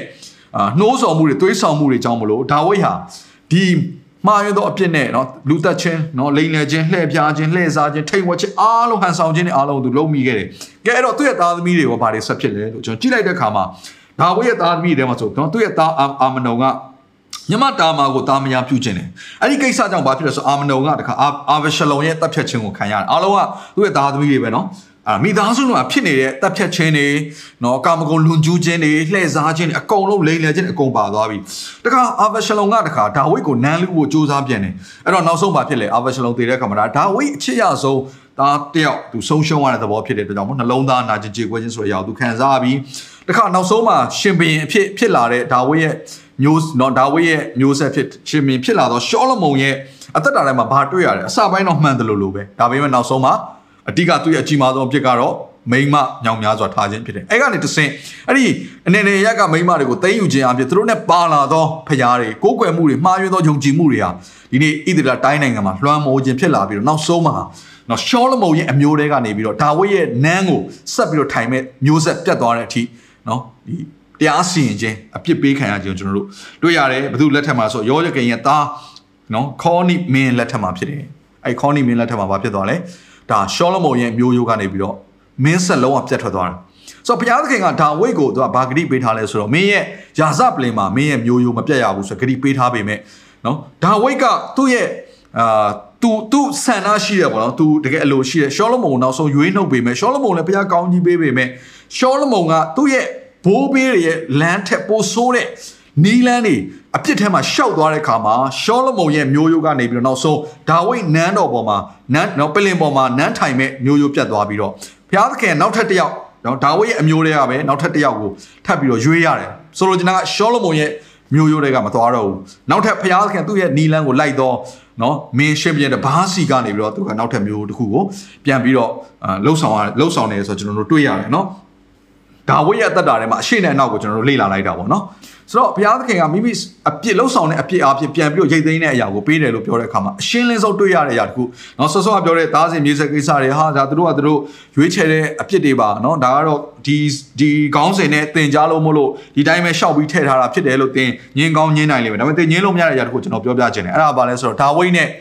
เนาะသူ့ရဲ့ဇနီးတဲ့ဆော့ဆော့သူသိမ့်ပိုက်ထားတဲ့ဘာသရှိဘနှစ်ယောက်ကနေပြီးတော့သူတို့နှစ်ယောက်ပေါင်းတင်ခြင်းအဖြစ်ရလာတဲ့ပထမဦးဆုံးသောသားကသူက အသက်ဘလောက်ဘလောက်မှတည်သွားလဲ9ရက်နော်ကျန်းစာကိုဖတ်လိုက်မယ်ဆိုရင်ဒါသူတို့ပြင်မာခြင်းအဖြစ်ရတဲ့သားလေး9ရက်တော့ဘုရားသခင်ကဘာဖြစ်လဲဒီသားကိုတိမ့်လိုက်တယ်အဲ့တော့အဲ့ဒီအတွက်ဒါဝိဒ်ကအပြစ်ဝင်မချအောင်လဲဝင်ချတာပေါ့သူဟာမားမိပါဆိုအပြစ်ဝင်ချတယ်ပြာနဲ့လူးတယ်တခါလေသူ short တွေဝတ်ကိုဝတ်တယ်တခါလေအစာရှောင်တယ်နော်အစာရှောင်တယ်အစာရှောင်နောက်ဆုံးမှာသူ့ရဲ့သားတည်သွားပြီဆိုတဲ့အရာကိုသိတဲ့အချိန်ကျမှသူကအစာရှောင်ခြင်းကိုရက်တယ်အတိတ်ကပါလဲသူအဖြစ်တဲ့သူနောင်တရပြီးဝင်ချတောင်းပန်ပေမဲ့ သူစိုက်ခဲ့သောမျိုးစေ့ရဲ့အပင်ကနော်တီးလာတဲ့အသီးကိုတော့သူကိုယ်တိုင်ပြန်ပြီးတော့စားသုံးရတာဖြစ်တယ်ဒါဟာနောက်ထပ်သားစဉ်မြေဆက်ဆော့ဆော့ကျွန်တော်ပြောတဲ့ Aveshalom တွေပဲမပါသေးဘူးအာမနုံတွေပဲမလာသေးဘူးโอเคဆိုအဲ့ဒီကိစ္စတွေမလာခင်ကတည်းကရှောလမုန်ကိစ္စတွေမဖြစ်ခင်ကတည်းကနော်ဆော့ဆော့ပြောတဲ့ဒီကလေးလေးဟာပြောသူရဲ့ဂျူးလိုမျိုးထုံးစံမှာသူရဲ့သူရဲ့ဒီဟောနော်မောရှေရဲ့တရားအရာပေါ့သူက9ရက်ပြည့်ပြီးသွားတဲ့ခါမှာ10ရက်မြောက်တဲ့နေ့မှာသူကသူ့ရဲ့သားကိုဘုရားသခင်စီမှာအနံပြီးပူဇော်ရတာဖြစ်တယ်ဆိုတော့9ရက်မြောက်တဲ့နေ့မှာဘုရားရှင်ကဒီသူ့ရဲ့သား နော်ဒီဆော့ဆော့ပြမခြင်းအပြင်ရတဲ့သားကိုပြန်ပြီးတော့သူ့ရဲ့အသက်ကိုသိမ်းယူလိုက်တယ်ဆိုတဲ့အတိတ်ဘယ်ကဘာကိုပြောနေလဲဆိုရင်ဘုရားသခင်ကသူ့ကို dedicate လုပ်တဲ့သူ့ကိုနော်ပြန်ပြီးတော့ဒါကိုတော့ကိုတော့ကောင်းကြီးပေးပါဆိုပြီးတော့စက္ကန့်အနှံနဲ့အဲ့ဒီစက္ကန့်အနှံ့ကြုံမလောက်ခိုင်းတော့ဘူးဘုရားသခင်စီးကြလိုက်တဲ့သဘောပဲဒိဗေကပါလေကိုယ့်ရဲ့သားစင်မြေးတဲ့မြေးဆက်ထဲမှာမင်္ဂလာဖြစ်စေမဲ့နော်ဘုရားသခင်နဲ့ဘုရားသခင်ကိုအနှံ့ခြင်းဆိုတဲ့မင်္ဂလာရှိစေမဲ့အရာကိုဘုရားသခင်က မလောက်ခိုင်းတော့ဘူး။ဘာကြောင့်လဲဆိုပြစ်မှားခြင်းအပြင်ရတဲ့သားဖြစ်လို့။ဒါကြောင့်ဘုရားသခင်ကချက်ချင်းမဲ့အပြစ်ကိုတခါလေစီရင်တဲ့အရာကိုကျွန်တော်တို့တွေ့ရတယ်။အဲ့ဒါအပြင်တခါလေအဲ့ဒီအပြစ်တရားရဲ့လွှမ်းမိုးမှုကြီးတစ်ခုလုံးကတခါနော်သူ့ရဲ့သားစင်မြေးဆက်ထဲမှာဆက်လက်စီစဉ်သွားပြီးတော့တခါမိသားစုထဲမှာတပ်ဖြတ်မှုတွေစောစောပြောတဲ့လိမ်ပိုင်းဆိုင်ရာနော်အကြမ်းဖက်မှုတွေအားလုံးအကုန်လုံးပေါ်ပေါက်လာတယ်ဆိုကျွန်တော်တွေ့ရမယ်တခါတော့ကျမ်းစာဒါဒါဝိတ်အကြောင်းကျွန်တော်လေ့လာတာဖြစ်တယ်အခြားသောကျမ်းစာတွေကိုနော်လေ့လာမယ်ဆိုရင် နော်ဘာမှအပြစ်မရှိဘူးလို့ထင်ရတဲ့နော်ကလေးတငယ်များကနော်မိသားစုဆွေမျိုးတွေကထိုအပြစ်ပြုသောသူအားဖြင့်တရားစီရင်ခံရတယ်ဆိုတဲ့အရာကိုကျွန်တော်တို့ဒါဒါဝိတ်လက်ထက်မတိုင်ခင်တည်းကတွေ့ရတာဖြစ်တယ်ဥပမာပြောမှာဆိုကောရဒါတန်အပိရန်တို့ရဲ့နော်ဒါဘုရားသခင်ပုံခံခြင်းအမှုကိုပြုတဲ့အခါမှာတောလျာကျမ်းခန်းကြီး16အငယ်20ခွန်မှာဘလို့ရေးလဲဆိုလူများတို့ဒီကောရဒါတန်အပိရန်တဲပတ်ဝန်းကျင်နဲ့မနေပဲရှောင်လွဲ၍သွားကြသဖြင့်ဒါတန်အပိရန်ဒီဒါမယာ နော်ကလေးများနဲ့တကွာထွက်၍မိမိတို့တဲတကွာဝါနဲ့ရက်နေကြ၏ဒါဘုရားခင်တရားစီရင်ပြုတော်မယ့်အချိန်မှာမောရှင်အာယုန်တို့ကဒါဣသရေလလူမျိုးတွေကိုသတိပေးတဲ့အခါမှာဘယ်သူမှသူတို့နာမမနေကြတော့ဘူးမနေဘဲနဲ့ဆော့ဆော့ပြောတဲ့ကောနော်ကျွန်တော်တို့ကောရဒါတန်အပိရန်ဒီ၃ယောက်ကတော့သူတို့ရဲ့သားသမီးတွေနော်သူတို့ရဲ့မိသားစုလိုက်သူတို့ရက်နေတဲ့အချိန်မှာပဲနောက်ဆုံးမှာဘုရားခင်ဘယ်လိုတရားစီရင်လဲအာတောလေယာကျမ်းခန်းကြီး16ငယ်31မှာပြောဆိုပြီးသည့်အဆုံး၌သူတို့နင်းရမြေကြီးသည်ကွဲ၍မိမိကတွင်ကိုဖွင့်သဖြင့်သူတို့နှင့်သူတို့အိမ်များကို၎င်း ကောရာနှင့်ဆိုင်သမျှသောသူတို့နှင့်သူတို့ဥစ္စာရှိသမျှကို၎င်းမျိုးလေ၏ထိုသူတို့သည်ကိုယ်တိုင်မှစ၍ဆိုင်သမျှသောသူတို့နှင့်တကွအသက်ရှင်လျက်တေမင်းနိုင်ငံသို့ဆင်းသက်၍သူတို့အပေါ်မှာမြေစေ့ပြန်သဖြင့်သူတို့သည်ပြိတ္တမှပယ်ရှင်းခြင်းကိုခံရကြ၏ဒါဘုရားသခင်တရားစီရင်ခြင်းဖြစ်တယ်အဲ့တော့ကျွန်တော်တို့ကအခုဂျေဇုတော်ခင်မှာဆိုတော့ကျွန်တော်တို့ရဲ့အပြစ်ရှိသမျှအရာခတ်သိမ်းကိုယေရှုခရစ်တော်ကလက်ဝါးကိုင်းတဲ့ပုံမှာဆေးကြောခဲ့ပြီးပြီ ဆိုတော့တို့လက်ဝါးကိုင်းတဲ့ပုံမှာယေရှုခရစ်တော်လောက်ခဲ့တော့နော်အရာဒီသူကချိန်ချင်းအမင်္ဂလာနဲ့ကျွန်တော်တို့ဖျားပေးတဲ့ကောင်းကြီးရဲ့မင်္ဂလာရဲ့သူကအလဲလဲလုပ်လိုက်တာဖြစ်တယ်ဆိုတော့ကျွန်တော်တို့ကိုယ်စားယေရှုခရစ်တော်ချိန်ချင်းကိုခံရဒါကြောင့်ကျွန်တော်တို့ရဲ့အသက်တာထဲမှာလွတ်မြောက်ခြင်းရတာဒါကြောင့်ခရစ်တော်ရဲ့ပေးတဲ့လွတ်မြောက်ခြင်းဟာဘယ်လောက်ထိနက်နဲလဲဆိုတာကိုကျွန်တော်ဒီနှုတ်ကပတ်တော်တွေကိုလေ့လာလေလေပို့ပြီးတော့တန်ဖိုးထားတတ်ဖို့ဖြစ်လေလေဘုရားခင်အသက်ရှင်စေခြင်းနဲ့လမ်းထဲမှာ တန်ရှင်သောအသက်တာဖြောက်မသောအသက်တာနဲ့အသက်ရှင်ဖို့ကျွန်တော်ပြည့်စင်နိုင်လေလေပဲเนาะဒါကြောင့်ဒီနှုတ်ကပတ်တော်ကကျွန်တော်တို့ရဲ့အသက်တာကိုတိဆောက်ပြီးတဲ့နှုတ်ကပတ်တော်ဖြစ်တယ်โอเคကြောက်ရွံ့ဆိုတဲ့နှုတ်ကပတ်တော်မဟုတ်ဘူးကျွန်တော်တို့ကိုခြောက်ချသွားဆိုတဲ့နှုတ်ကပတ်တော်မဟုတ်ဘူးဘုရားခင်ဒါမကြိုက်ဘူးဆိုတော့ကျွန်တော်တို့သိသွားပြီဒီလိုလုပ်ရင်မဟုတ်ဘူးဆိုတာသိသွားပြီငါအသက်တာမှာဖြစ်တဲ့ຢာတွေကဒါကြောင့်မှလားဆိုတော့သဘောပေါက်သွားပြီဆိုရင်ထိုလမ်းတွေကကျွန်တော်တို့ရှောင်ဖို့ဖြစ်တယ်ဒါကြောင့်ကျွန်တော်တို့ဆက်ပြီးတော့နှုတ်ကပတ်တော်ကိုလေ့လာရအောင်တခါနောက်တစ်ခါနောက်တစ်ခုကကျတော့ယောရှုရဲ့လက်ထက်မှာဒါအာခံဆိုတဲ့နော်အမျိုးသားနဲ့သူ့ရဲ့ဒါမိသားစုက အာသူကဒီယေရီခေါမြို့ကိုတိမ့်ပိုက်ပြီးသွားတဲ့အခါမှာပေါ့နော်ဘုရားသခင်ဗိမာန်တော်အတွက်ပဲထားရမယ်ဥစ္စာပစ္စည်းတွေကိုသူတို့ကထိန်ဝက်ပြီးတော့ခိုးလိုက်တယ်အဲ့ဒီအဖြစ်ကြောင့်သူတို့မိသားစုတစုလုံးကကခဲနဲ့နော်ပေါက်သက်ခြင်းဆိုတရားစီရင်ခြင်းကိုဂျိုင်ဝမ်တစ်ခုထဲမှာအာသူတို့ကိုလှုပ်ဆောင်ရတယ်ဆိုတော့ဒီຢာတွေကပါလဲဆိုရင်တယောက်ကပြုတ်လိုက်တဲ့အတိုင်းပဲတမိသားစုလုံးသူ့ရဲ့နော်ကလေးတွေအစတောက်လျှောက်ခံရတယ်ဆိုတဲ့ຢာလေးကိုကျွန်တော်တို့တွေ့ရတယ်အဲ့တော့ကျွန်တော်တို့ဒီ မိစဉ်ပါဆက်ဆိုတဲ့အကြောင်းအရာကိုလေ့လာလိုက်တဲ့အခါမှာမျိုးဆက်40လို့ပြောတဲ့အတွက်ကြောင့်မလို့အဲ့ဒီထဲမှာဘယ်သူတွေပါနေလဲဆိုရင်စုစုပေါင်းကျွန်တော်တို့ရဲ့ဘိုးဘေးပြီးပြီးအယောက်နော်အယောက်30လောက်ကပါဝင်နေပါတယ်အဲ့တော့ပထမမျိုးဆက်တစ်ဆက်ဖြစ်တဲ့နော်16ယောက်ပြီးရင်ဒုတိယမျိုးဆက်တစ်ဆက်ဖြစ်တဲ့10ယောက်တတိယမျိုးဆက်တစ်ဆက်ဖြစ်တဲ့4ယောက်ပြီးရင်ကျွန်တော်တို့ရဲ့မိခင်ဖခင်ဖြစ်တဲ့2ယောက်စုစုပေါင်းပေါင်းလိုက်မယ်ဆိုရင်အယောက်30ကရဲ့အပြစ်တွေဒူးစရိုက်တွေပြင်မာခြင်းတွေအားလုံးဟာ အကယ်၍အဲ့ဆော့ဆော့ပြောတဲ့အယောက်30လုံးကဘုရားသခင်ကိုမရွေးခဲ့ဘူးဆိုရင်နော်ဘုရားသခင်ဘက်ကိုမလှည့်ခဲ့ဘူးဆိုရင်ဘုရားသခင်ရှေ့မှာသူတို့ရဲ့အပြစ်တွေကိုဝင်ချတောင်းပန်ခြင်းနဲ့စစ်မှန်တဲ့နောင်တမရခဲ့ဘူးဆိုရင်ဖြောင့်မတ်သောလမ်းကိုမရွေးခဲ့ဘူးဆိုရင်ဒီနှုတ်ကပတ်တော်ကိုခံယူနေသောတင့်ရတတ်တာထဲမှာနော်ထိုမျိုးရိုးစင်ဆက်ကရှိနေသောအပြစ်နဲ့ဆိုင်တဲ့အာမင်္ဂလာကြိမ်ခြင်းတွေဟာအလိုလိုသူကလွှမ်းခြုံပြီးသားဖြစ်တယ်တက်ရောက်ပြီးသားဖြစ်တယ်ဆိုတော့သဘောပေါက်စေချင်တယ်ဒါပေမဲ့ဖះကိုရွေးခဲ့တဲ့ မိဘတွေလည်းဖြစ်မယ်အပြစ်ဒူးဆိုင်လမ်းမှာမတော်ဘဲနဲ့တချို့ကဖះကိုရွေးတယ်ရွေးပြီးတော့မိမိနှစ်သက်တဲ့လမ်းမှာရှောက်လို့တဲ့ပုံကြီးရှိတယ်ဒါကြောင့်ဖះကိုရွေးခဲ့တာမှန်တဲ့အတိုင်းပဲအသက်တာမှာလည်းတန်ရှင်းချင်းဖြောက်မှတ်ခြင်းနဲ့အသက်ရှင်ခဲ့သောမိသားစုကနေဆင်းသက်လာတဲ့သားသမီးတွေအသက်တာမှာတော့သူကောင်းချီးမင်္ဂလာကိုပို့ပြီးတော့မြင်ရတယ်ဆိုတော့တွေ့ရတယ်သို့တော်လည်းပဲအဲ့ဒီသားသမီးတွေလက်ထက်မှာဘုရားသခင်လမ်းကိုမရွေးဘဲနဲ့ဒုစရိုက်လမ်းကိုပြန်ပြီးတော့ရွေးမယ်ဆိုရင်ဘုရားကဘယ်လိုမှတ်တမ်းတင်ပြန်လဲဆိုတော့ဒါသူကမျိုးဆက်က40ဖြစ်တာအောင်နော်ဘယ်မျိုးဆက်မှာသူကဘုရားကိုစရွေးလဲကျွန်တော်တို့မသိနိုင်ဘူး အဲ့တော့အဲ့စောစောပြောအယောက်30ထဲမှာတယောက်ကဖောက်ကောင်းလဲဖောက်နိုင်တယ်ဆိုတော့ဒီအဲ့နဲ့ဆိုင်တဲ့အပြစ်လမ်းနဲ့ကို ဒါထပ်ပြီးတော့လိုက်ပြန်ပြီးဒီသားသမီးတွေကအဲ့လိုဘုရားကတတ်မှတ်ပြန်တယ်ဒါကြောင့်မို့ကျွန်တော်တို့အာဒီကျွန်တော်တို့ရဲ့အသက်တာထဲမှာเนาะအကောင်းဆုံးဒါနှုတ်ကပတ်တော်အဆုံးထိမရောက်သေးဘူးသို့တော်လည်းအကောင်းဆုံးနည်းလမ်းကဘာလဲဆိုရင်တန်ရှင်ခြင်းဖြောင့်မတ်ခြင်းကိုနေ့ရက်တိုင်းမှာရွေးခြင်းဟာအကောင်းဆုံးဖြစ်တယ်ဒါပေမဲ့ဘယ်လိုပုံစံနဲ့ကျွန်တော်တို့ရွေးနိုင်မလဲနော် တန်ရှင်သောဝိညာဉ်တော်ဖခင်ကျွန်တော်တို့ကိုဘယ်လိုကူမနေလဲဒါတွေကိုတော့ကျွန်တော်တို့သက်တာထဲမှာနားလည်ဖို့လိုပါတယ်ကဲကျွန်တော်ဆက်ပြီးတော့အာကြည့်အောင်ဆိုတော့ဒါလူရောက်30လောက်ရဲ့အာနော်လွမ်းမိုးမှုပါတယ်ဆိုတော့ကျွန်တော်အားလုံးသိကြတယ်အဲ့တော့အခုတင်ကတရားကိုပြောတဲ့အခါမှာအာသူကနားထောင်ပြီးတော့ဟာဒါကတော့ဆရာရဲ့နော်မတရားဘူးကျွန်တော်လည်းဘာမှမလုပ်ဘဲနဲ့နော်ပြီးပါဘိုးဘေးရဲ့နဲ့ဆိုင်တဲ့ပြဿနာတွေကိုကျွန်တော်တို့တက်တာတွေမှာဘာကြောင့်ခံရတာလဲဆိုတော့ unfair ပေါ့မမျှတဘူးလို့စဉ်းစားတဲ့လူတွေအတွက် ကျွန်တော်ဒါပထမအပိုင်းတစ်မှာလည်းအဖြေ၃ခုပေးခဲ့ပြီဒါပေမဲ့အခုလည်းအဖြေ၃ခုကိုကျွန်တော် short sharp punchy ပေါ့နော်တော်တော်နဲ့လိုရင်းလေးကျွန်တော်ပြောချင်တယ်ကဲမမျှတဘူးမိဘတွေလုပ်တဲ့အပြစ်ကြောင့်ငါတို့ကဘာကြောင့်ခံရတာလဲလို့စဉ်းစားတဲ့လူတွေအတွက်နံပါတ်1အဖြေကတော့ဘုရားသခင်ဟာတရားမျှတတဲ့ဘုရားဖြစ်တယ်ဘုရားသခင်တရားမျှတတဲ့ဒီကျမ်းစာလေးကိုကျွန်တော်ဖတ်ချင်တယ်ဆိုတော့ဘုရားသခင်ကသူကိုယ်တိုင်ဘုရားသခင်ဖြစ်တဲ့ကြောင့်မလို့သူ့ရဲ့နီလန်တိုင်းသူကစီရင်တာဖြစ်တယ်သစ်စိတ်ကြိုက်လိုက်ပြီးစီရင်တာမဟုတ်ဘူး ဘုရားကတရားမမျှတဘူးဆိုကျွန်တော်တရားမမျှတဘူးပဲဘုရားကဒါမှန်တယ်ဆိုမှန်တယ်ပဲဒါမှားတယ်ဆိုမှားတယ်ပဲကျွန်တော်တို့ကညင်းစရာအကြောင်းမရှိဘူးဘာကြောင့်လဲဆိုတော့ဘုရားသခင်ကတရားမျှတတဲ့ဘုရားဖြစ်တယ် position ဘုရားဖြစ်တယ်အရာခတ်သိမ်းကိုအစီအစဉ်ကြစီစဉ်တဲ့ဘုရားဖြစ်တယ်အဲ့တော့ထွတ်မြောက်ကြံခန်းကြီး34ငယ်6ကနေ9ကအဲ့ဘုရားသခင်ရဲ့သဘောတဘာဝကိုဖော်ပြနေတာဖြစ်တယ်။ဒါကြောင့်ဒါလေးကိုဖတ်ချင်တယ်။ထာဝရဘုရားသည်မောရှေရှေ့၌ကြွသွားတော်မူလေထာဝရဘုရားထာဝရဘုရားချစ်ချင်းသနာမေတ္တာကရုဏာနှင့်ပြည့်စုံ၍စိတ်ရှည်ခြင်းကျေးဇူးပြုခြင်းသစ္စာဆောင်ခြင်းနှင့် ကြွယ်ဝတော်မူထသောအထောင်အတောင်းများသောသူတို့အားတနာခြင်းကျေးဇူးတရားကိုစောင့်တော်မူထသောအတ္တမချစ်ခြင်းလွန်ကျိုးခြင်းပြစ်မှားခြင်းအပြစ်တို့ကိုဖြေလွတ်တော်လဲနော်ဖြေလွတ်လားဆိုဖြေလွတ်တယ်အပြစ်ဖြေလားဆိုဖြေတယ်ဒါပေမဲ့ကျမ်းစာဆက်ဖတ်ခြင်းတယ်ဖြေလွတ်တော်လဲအချင်းနီးတက်တက်ဖြေလွတ်တော်မမူထားတော့အားလေးမှတ်ထားပါအပြစ်တော့ဖြေလားအပြစ်တော့လွတ်တာလွတ်တယ်ဒါပေမဲ့ဒီတိုင်းလွတ်လိုက်တယ်မဟုတ်ဘူးဒါဆိုဘယ်လိုလွတ်လဲ သားစင်မြေးဆက်တတရာဆက်ရှုဒ္ဓဆက်တန်အောင်အဘတို့၏အပြစ်ကိုသားတို့၌ဆက်ပြီးစီရင်တော်မူသောဘုရားသခင်ကြွေးကြော်တော်မူဆိုတော့ကိုဆိုင်တဲ့အတိုင်းကိုရိပ်ရတဲ့အရာဆိုတော့အဲ့ဒီလောကိုတော့ဘုရားသခင်မဖောက်ဖျက်ဘူးဆိုတော့အတိတ်ပဲကပါလဲကိုကဒီအသီးကိုဆိုင်ရင်ဒီအရာကိုပြန်ပြီးတော့ရိပ်ရမှာပဲအဲတော့ကျွန်တော်တို့သိဖို့လိုတယ်နော်ကျွန်တော်တို့ရဲ့အသက်တာထဲမှာအမင်္ဂလာတွေနော်ချိန်ချင်းတွေဟာကျွန်တော်တို့အသက်တာထဲမှာအသီးနှံပုံစံမျိုးနဲ့ ရောက်လာတယ်ကိုလည်းမဆိုင်ဖဲနဲ့ရောက်လာတာမျိုးပေါ့နော်ဆိုတော့ကျွန်တော်တို့ကကောင်းကြီးမင်္ဂလာကြတော့သားစင်မိဆက်စားခြင်းတယ်လေဘန်မှာအနှံခဲ့တဲ့နော်ငွေတွေကြတော့သူကအမွေဆိုပြီးတော့ကိုကလိုချင်တယ်ဝယ်ခဲ့တဲ့မြေတွေကိုကြတော့သားသမီးတွေအမွေခွဲခြင်းတယ်နော်အပြစ်နဲ့ဆိုင်တဲ့ဒူးစရိုက်တွေမကောင်းတဲ့ຢာတွေကြတော့မလိုချင်ဘူးဆိုတဲ့အရာမျိုးဘုရားကမဟုတ်ဘူး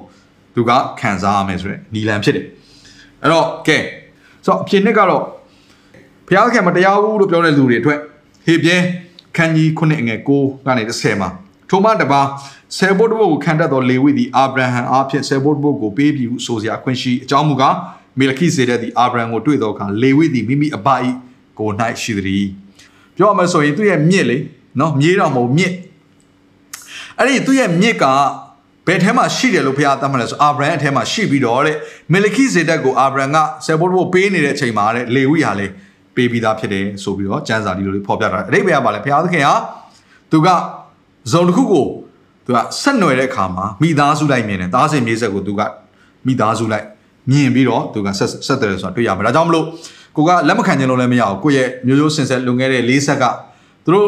လှုပ်ဆောင်ခဲ့တဲ့အရာအားလုံးဟာကိုကမမွေးခဲ့သေးပေမဲ့ကိုကသူတို့အထဲကနေပြီးတော့သူကပြုတ်နေမိတယ်ဆိုသဘောမျိုးဘုရားသခင်ကတတ်မှတ်တာဖြစ်တယ်ကဲဒါဘုရားရဲ့နီလန်းတစ်ခုလည်းဖြစ်တယ်နော်တရားမမျှတဘူးလို့ပြောဆိုတော့သူများအတွက်တတိယအဖြေကဘာလဲဆိုတော့ အဲ့ဒါဘာလဲဆိုတော့လူစွာကဘုရားသခင်မိမိနှစ်သက်တဲ့လမ်းကိုရွေးဖို့အခွင့်အရေးပေးထားတယ်အဲ့တော့ဘိုးဘေးပြပင်ဘလောက်ကပဲအပြစ်ပြုခဲ့ပြုခဲ့ကိုယ့်လက်ထက်မှာဘုရားဘက်ကိုရွေးမယ်ဆိုရင်ထို့အမင်္ဂလာကြိမ်ချင်းနဲ့ဆိုင်နဲ့လွှမ်းမိုးခြင်းနဲ့ကျွန်တော်တို့အလိုလိုလွတ်မြောက်မှာဖြစ်တယ်ကိုယ်တရားမှာမတက်ရောက်တော့โอเคဘာကြောင့်လဲဆိုတော့ကိုကဘုရားရဲ့နှစ်သက်တဲ့လမ်းတွေကိုအသက်ရှင်သွားလို့ဖြစ်တယ်ဒီနေ့မှပြောအောင်ဆိုခရစ်တော်ရဲ့လက်ဝါးကန်းတော်မှာပြုတ်ခဲ့ပြီးတော့ရာခတ်သိန်းကိုအပြည့်အဝလက်ခံလိုက်တဲ့အတွက်ကြောင့်မလို့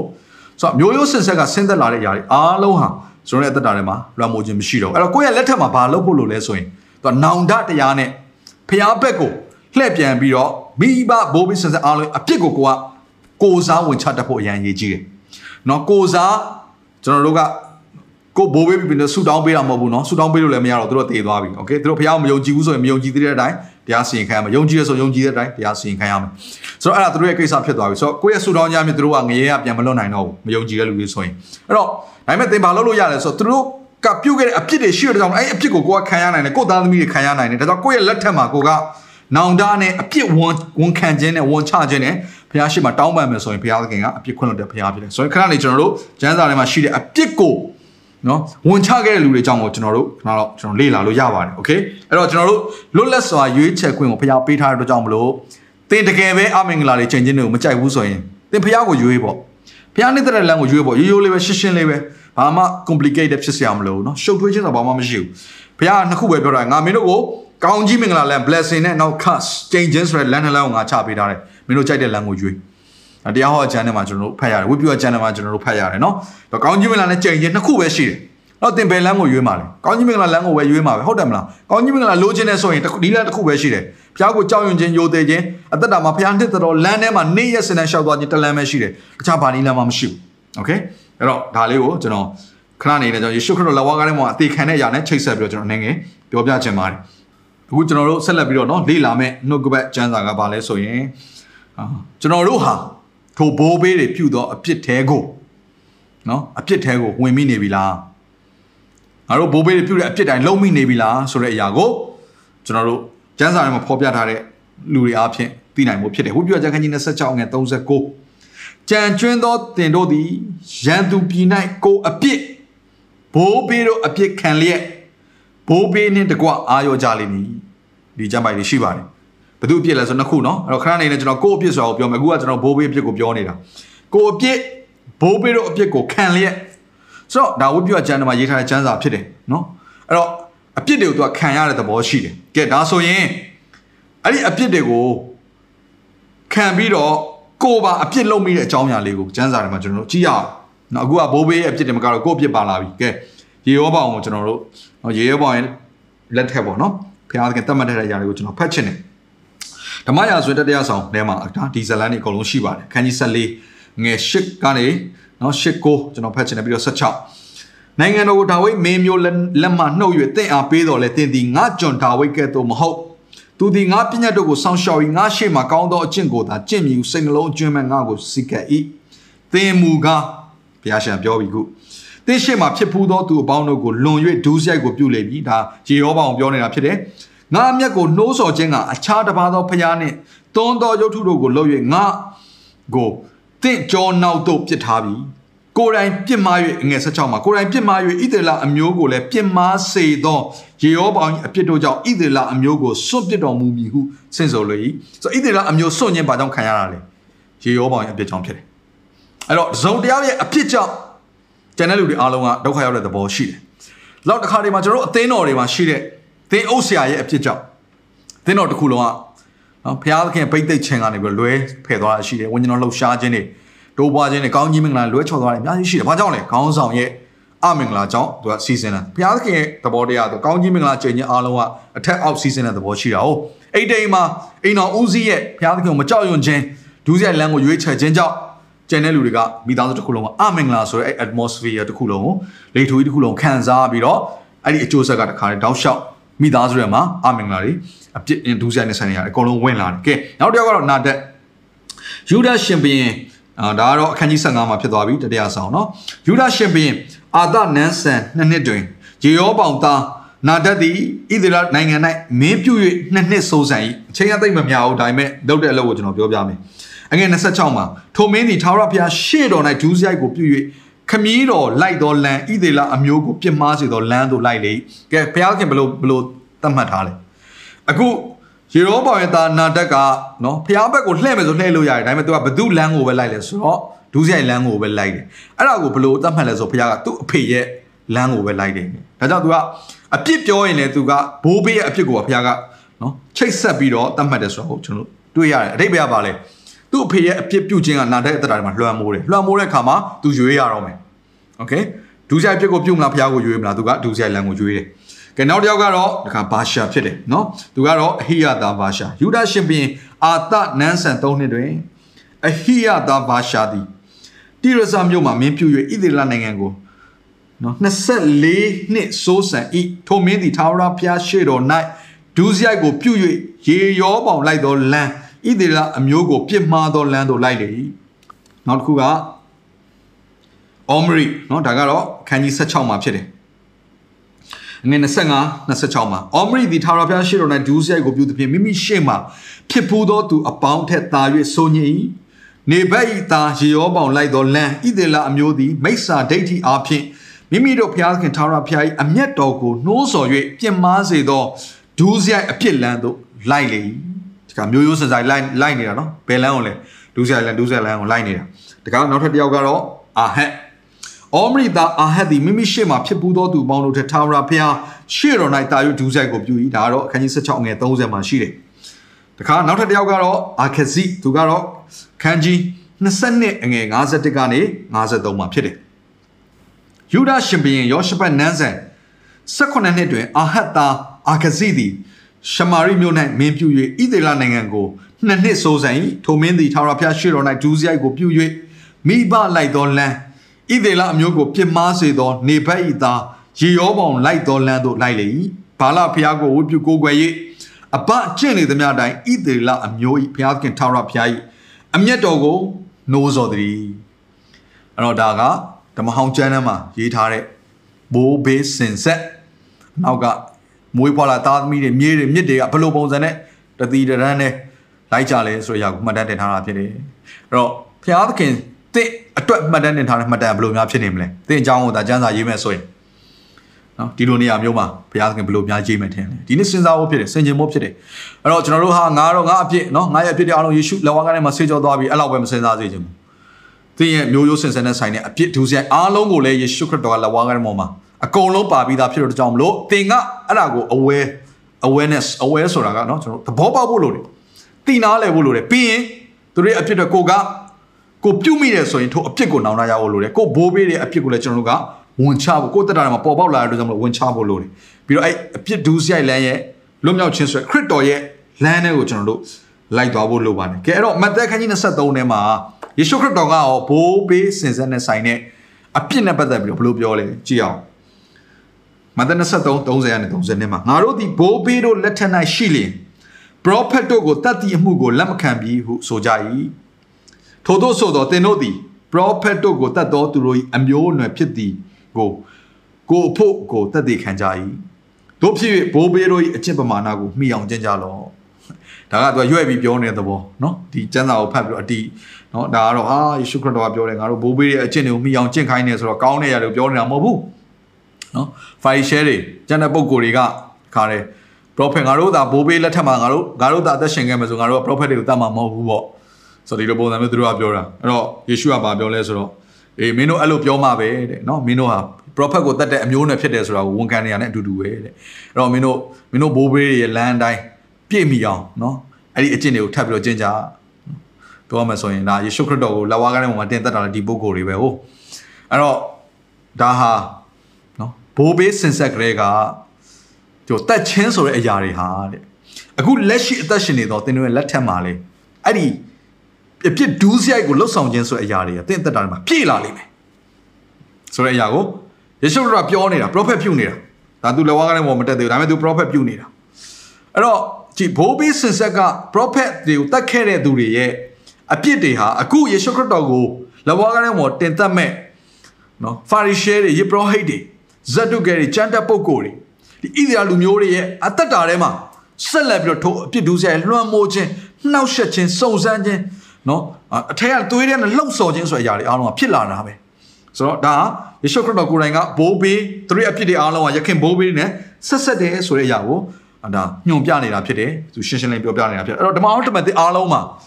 ဘိုးဘေးနဲ့ယခုလက်ရှိ generation နဲ့သက်ဆိုင်တဲ့အရာကျွန်တော်တို့ generation နောက်လာမယ့်ကျွန်တော်တို့ရဲ့ generation တွေနဲ့အပြစ်တွေဟာ pass down ဖြစ်သွားတယ်ဆက်ပြီးတော့ season သွားတယ်ဆိုတဲ့အရာကိုကျွန်တော်တို့ဖခင်ခင်ကပြောထားပြီးသားဖြစ်တယ်။ကျွန်တော်ဘာမှငင်းစရာအကြောင်းမရှိဘူး။အရေးကြီးဆုံးကဘာလဲ။အဲ့ထဲကနေဘယ်လိုလွတ်မြောက်အောင်လုပ်မလဲ။ကဲအဲ့တော့ကျွန်တော်တို့ကိုအဲ့လိုမျိုးအပြစ်တွေကိုဘိုးဘေးတွေပြုတဲ့အပြစ်တွေကိုပြုတ်မိအောင်ဘယ်လိုပုံစံနဲ့ကျွန်တော်တို့အသက်တာထဲမှာလွှမ်းမိုးမှုရှိလဲဘယ်လိုပုံစံနဲ့လှုပ်ဆောင်လဲနံပါတ်1ချက်အဲ့ဒါဘာလဲဆို ကျွန်တော်တို့အသွေးသားတွေကလှုံ့ဆော်မှုရှိတယ်နံပါတ်1ချက်အဲ့ဒါကိုဘယ်လိုဆိုအင်္ဂလိပ်ဆို jinx ပေါ့နော်ကျွန်တော်တို့ဒါမျိုးဗီဇဒါမျိုးရိုးဗီဇ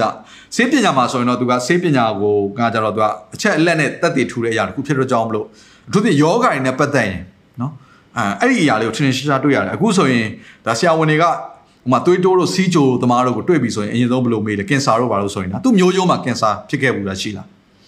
အဲသူ့မျိုးရိုးမှာသွေးတိုးစီးကြိုရှိလားဆိုတာမျိုးသူကစစ်ဆေးတယ် ဘာကြောင့်ဆိုအဲ့ဒီယောဂါကသူ့ရဲ့ gene ဆိုတဲ့သူ့ရဲ့မျိုးဗီဇာတွေမှာပါလာပြီးသားဖြစ်တဲ့ကြောင့်မလို့ဒါမျိုးရိုးစင်ဆက်နော်မျိုးရိုးလိုက်တဲ့ယောဂါတွေရှိတယ်ဆိုတာကိုအခုကျွန်တော်စေသိပ္ပံပညာတွေကထုံးကားလာတဲ့အချိန်ကျမှကျွန်တော်တက်သိထူနိုင်တာဖြစ်တယ်သို့တော်လည်းကျမ်းစာထဲမှာကသူပါထားပြီးသားဖြစ်တယ်မိုးမိဘမျိုးရိုးစင်ဆက်ကဆင်းသက်လာတဲ့ဒီမကောင်းသောຢာတွေအားလုံးကတားသမီးတွေထဲမှာစီးဆင်းလာဘယ်ကနေစီးဆင်းလာလဲနံပါတ်1ချက်အဲ့ဒီမျိုးဗီဇာတွေကပါလာပြီးသားဖြစ်တယ်ဒါကြောင့်သူကနော်မိဘထဲမှာသူကအိမ်တောင် ကွဲပြားခြင်းဆိုတဲ့အရာကိုဖြစ်ခဲ့တဲ့အရာတွေရှိခဲ့တယ်ကျွန်တော်တို့ရဲ့ဘိုးဘေးစင်ဆက်နော်အယောက်30ကြားထဲမှာအိမ်တောင်ကွဲတဲ့အရာတွေဖောက်ပြန်တဲ့အရာရှိခဲ့တယ်ဆိုရင်အဲသူ့ရဲ့သားသမီးတွေလက်ထက်မှာအဲ့ဒီအထွဲအထဲမှာရှိတဲ့ genes ကသူကနည်းနည်းစကားပြောတယ်နည်းနည်းစကားပြောတယ်ဆိုတော့အဲ့တော့သူကဖောက်ပြန်ခြင်းတဲ့သဘောနော်အသွေးသားတက်မှတ်ခြင်းတဲ့သဘောလွန်ကျူးခြင်းတဲ့သဘောတွေကတခါတည်းနော်သူကရှိလာတဲ့သဘောရှိတယ်နော်ဒီအသွေးထဲမှာသူရဲ့ genes ထဲမှာမျိုးရိုးဗီဇာထဲမှာလှုပ်ဆော်တဲ့သဘောတွေရှိတယ် okay ဒါကျွန်တော်တို့အဲ့ဒါတွေအားဖြင့်ကျွန်တော်တို့သွေးဆောင်ခြင်းခံရတယ်ကျွန်တော်တို့တက်တာတွေလွှမ်းမိုးတယ်နံပါတ်2ချက်ကတော့ကျွန်တော်တို့ကမြင်ခဲ့ကြားခဲ့တဲ့မိသားစုပတ်ဝန်းကျင်တွေကြောင့်ကျွန်တော်တို့အဖြစ်ဒုစရိုက်ကိုပြုမိတတ်တယ်ဒါဆော့ဆော့ကျွန်တော်ဖတ်ခဲ့တဲ့ကျမ်းစာတွေမှာတွေ့ရလိမ့်မယ်မင်းအဆက်ဆက်ကသူတို့အဖေလုပ်တဲ့နီလန်တိုင်းကိုဒုစရိုက်လမ်းတွေကိုလှုပ်ချို့ဆိုပိုတောင်းလှုပ်သေးတယ်အဆိုးဆုံးပဲတဲ့နော်သူရဲ့မျိုးရိုးဆင်ဆက်မှာတော့ဒီတယောက်ဟာဒီဒီရှင်ဘရင်ဟာအခြားမင်းအားလုံးထက်ဒုစရိုက်ကိုပို့ပြတော်သူဖြစ်တယ်လို့အဲ့လောက်တောင်မှ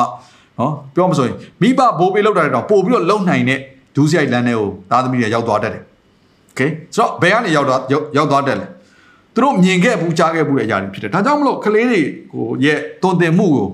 ကလေးတွေကိုလေ့ကျင့်ပေးတဲ့အရာကိုအခုခေတ်မှာဗာပြောရဲဆိုကလေးတွေဟာတဲ့သူတို့ကိုသင်ပေးတဲ့အရာကိုသူတို့လိုက်လောက်တာမဟုတ်ဘူးတဲ့သူတို့မြင်တဲ့အရာသူတို့ကြားတဲ့အရာတိုင်းလိုက်လောက်ကြတာဖြစ်တယ်။ဆိုတော့အဖေကဆေးလေးတောင်းရင်ဒါဆေးလေးတောင်းပါပဲ။အဖေကမူကြီးဆေးဝါးတောင်းတာကလေးကမူကြီးဆေးဝါးတောင်းပါပဲ။အဖေကနောက်ဝိမ်းမယူရင်သူ့သားလည်းနောက်ဝိမ်းမယူမှာပဲ။ အဲ့တော့နော်အရန်ကြီးရတယ်နော်ကျွန်တော်ရဲ့ရောက်ခမဆိုရင်ဒါသူ့ရဲ့သားသမီးကိုမှားထားတယ်သူကဒီနှုတ်ဘွဲတော်တွေကိုအာသူကတိခဲ့တာဟုတ်နော်သူရဲ့သားသမီးတွေအိမ်တော်မကြခင်နဲ့တိခဲ့တဲ့ခါကျတော့သူကသူသားသမီးကိုမှားတာပေါ့နော်အဲ့ဒါပါလေဆိုတော့အေးမိမယူယောက်ျားယူရင်သူရဲ့သူရဲ့မျိုးရိုးကိုလည်းကြည်နော်ဆိုတော့ကျွန်တော်နဲ့ကျွန်တော်မျိုးသမီးရီးစားဖြစ်တဲ့အချိန်မှာကျွန်တော်ကကျွန်တော်ကျွန်တော်ရီးစားဖြစ်တဲ့နော်အခုကျွန်တော်ဇနီးတဲ့ဖြစ်တဲ့ဆ iam ဆူဇန်စီယာပေါ့နော်အဲ့ဒီမှာရီးစားဖြစ်တဲ့အချိန်မှာအဲ့ဒါလေးကြားရတယ်အဖေကပြောထားတယ် နော်အဲ့ဒါသူတို့ရဲ့မျိုးရိုးထဲမှာနော်အဲ့လိုမျိုးဖောက်ပြန်တဲ့အရာမျိုး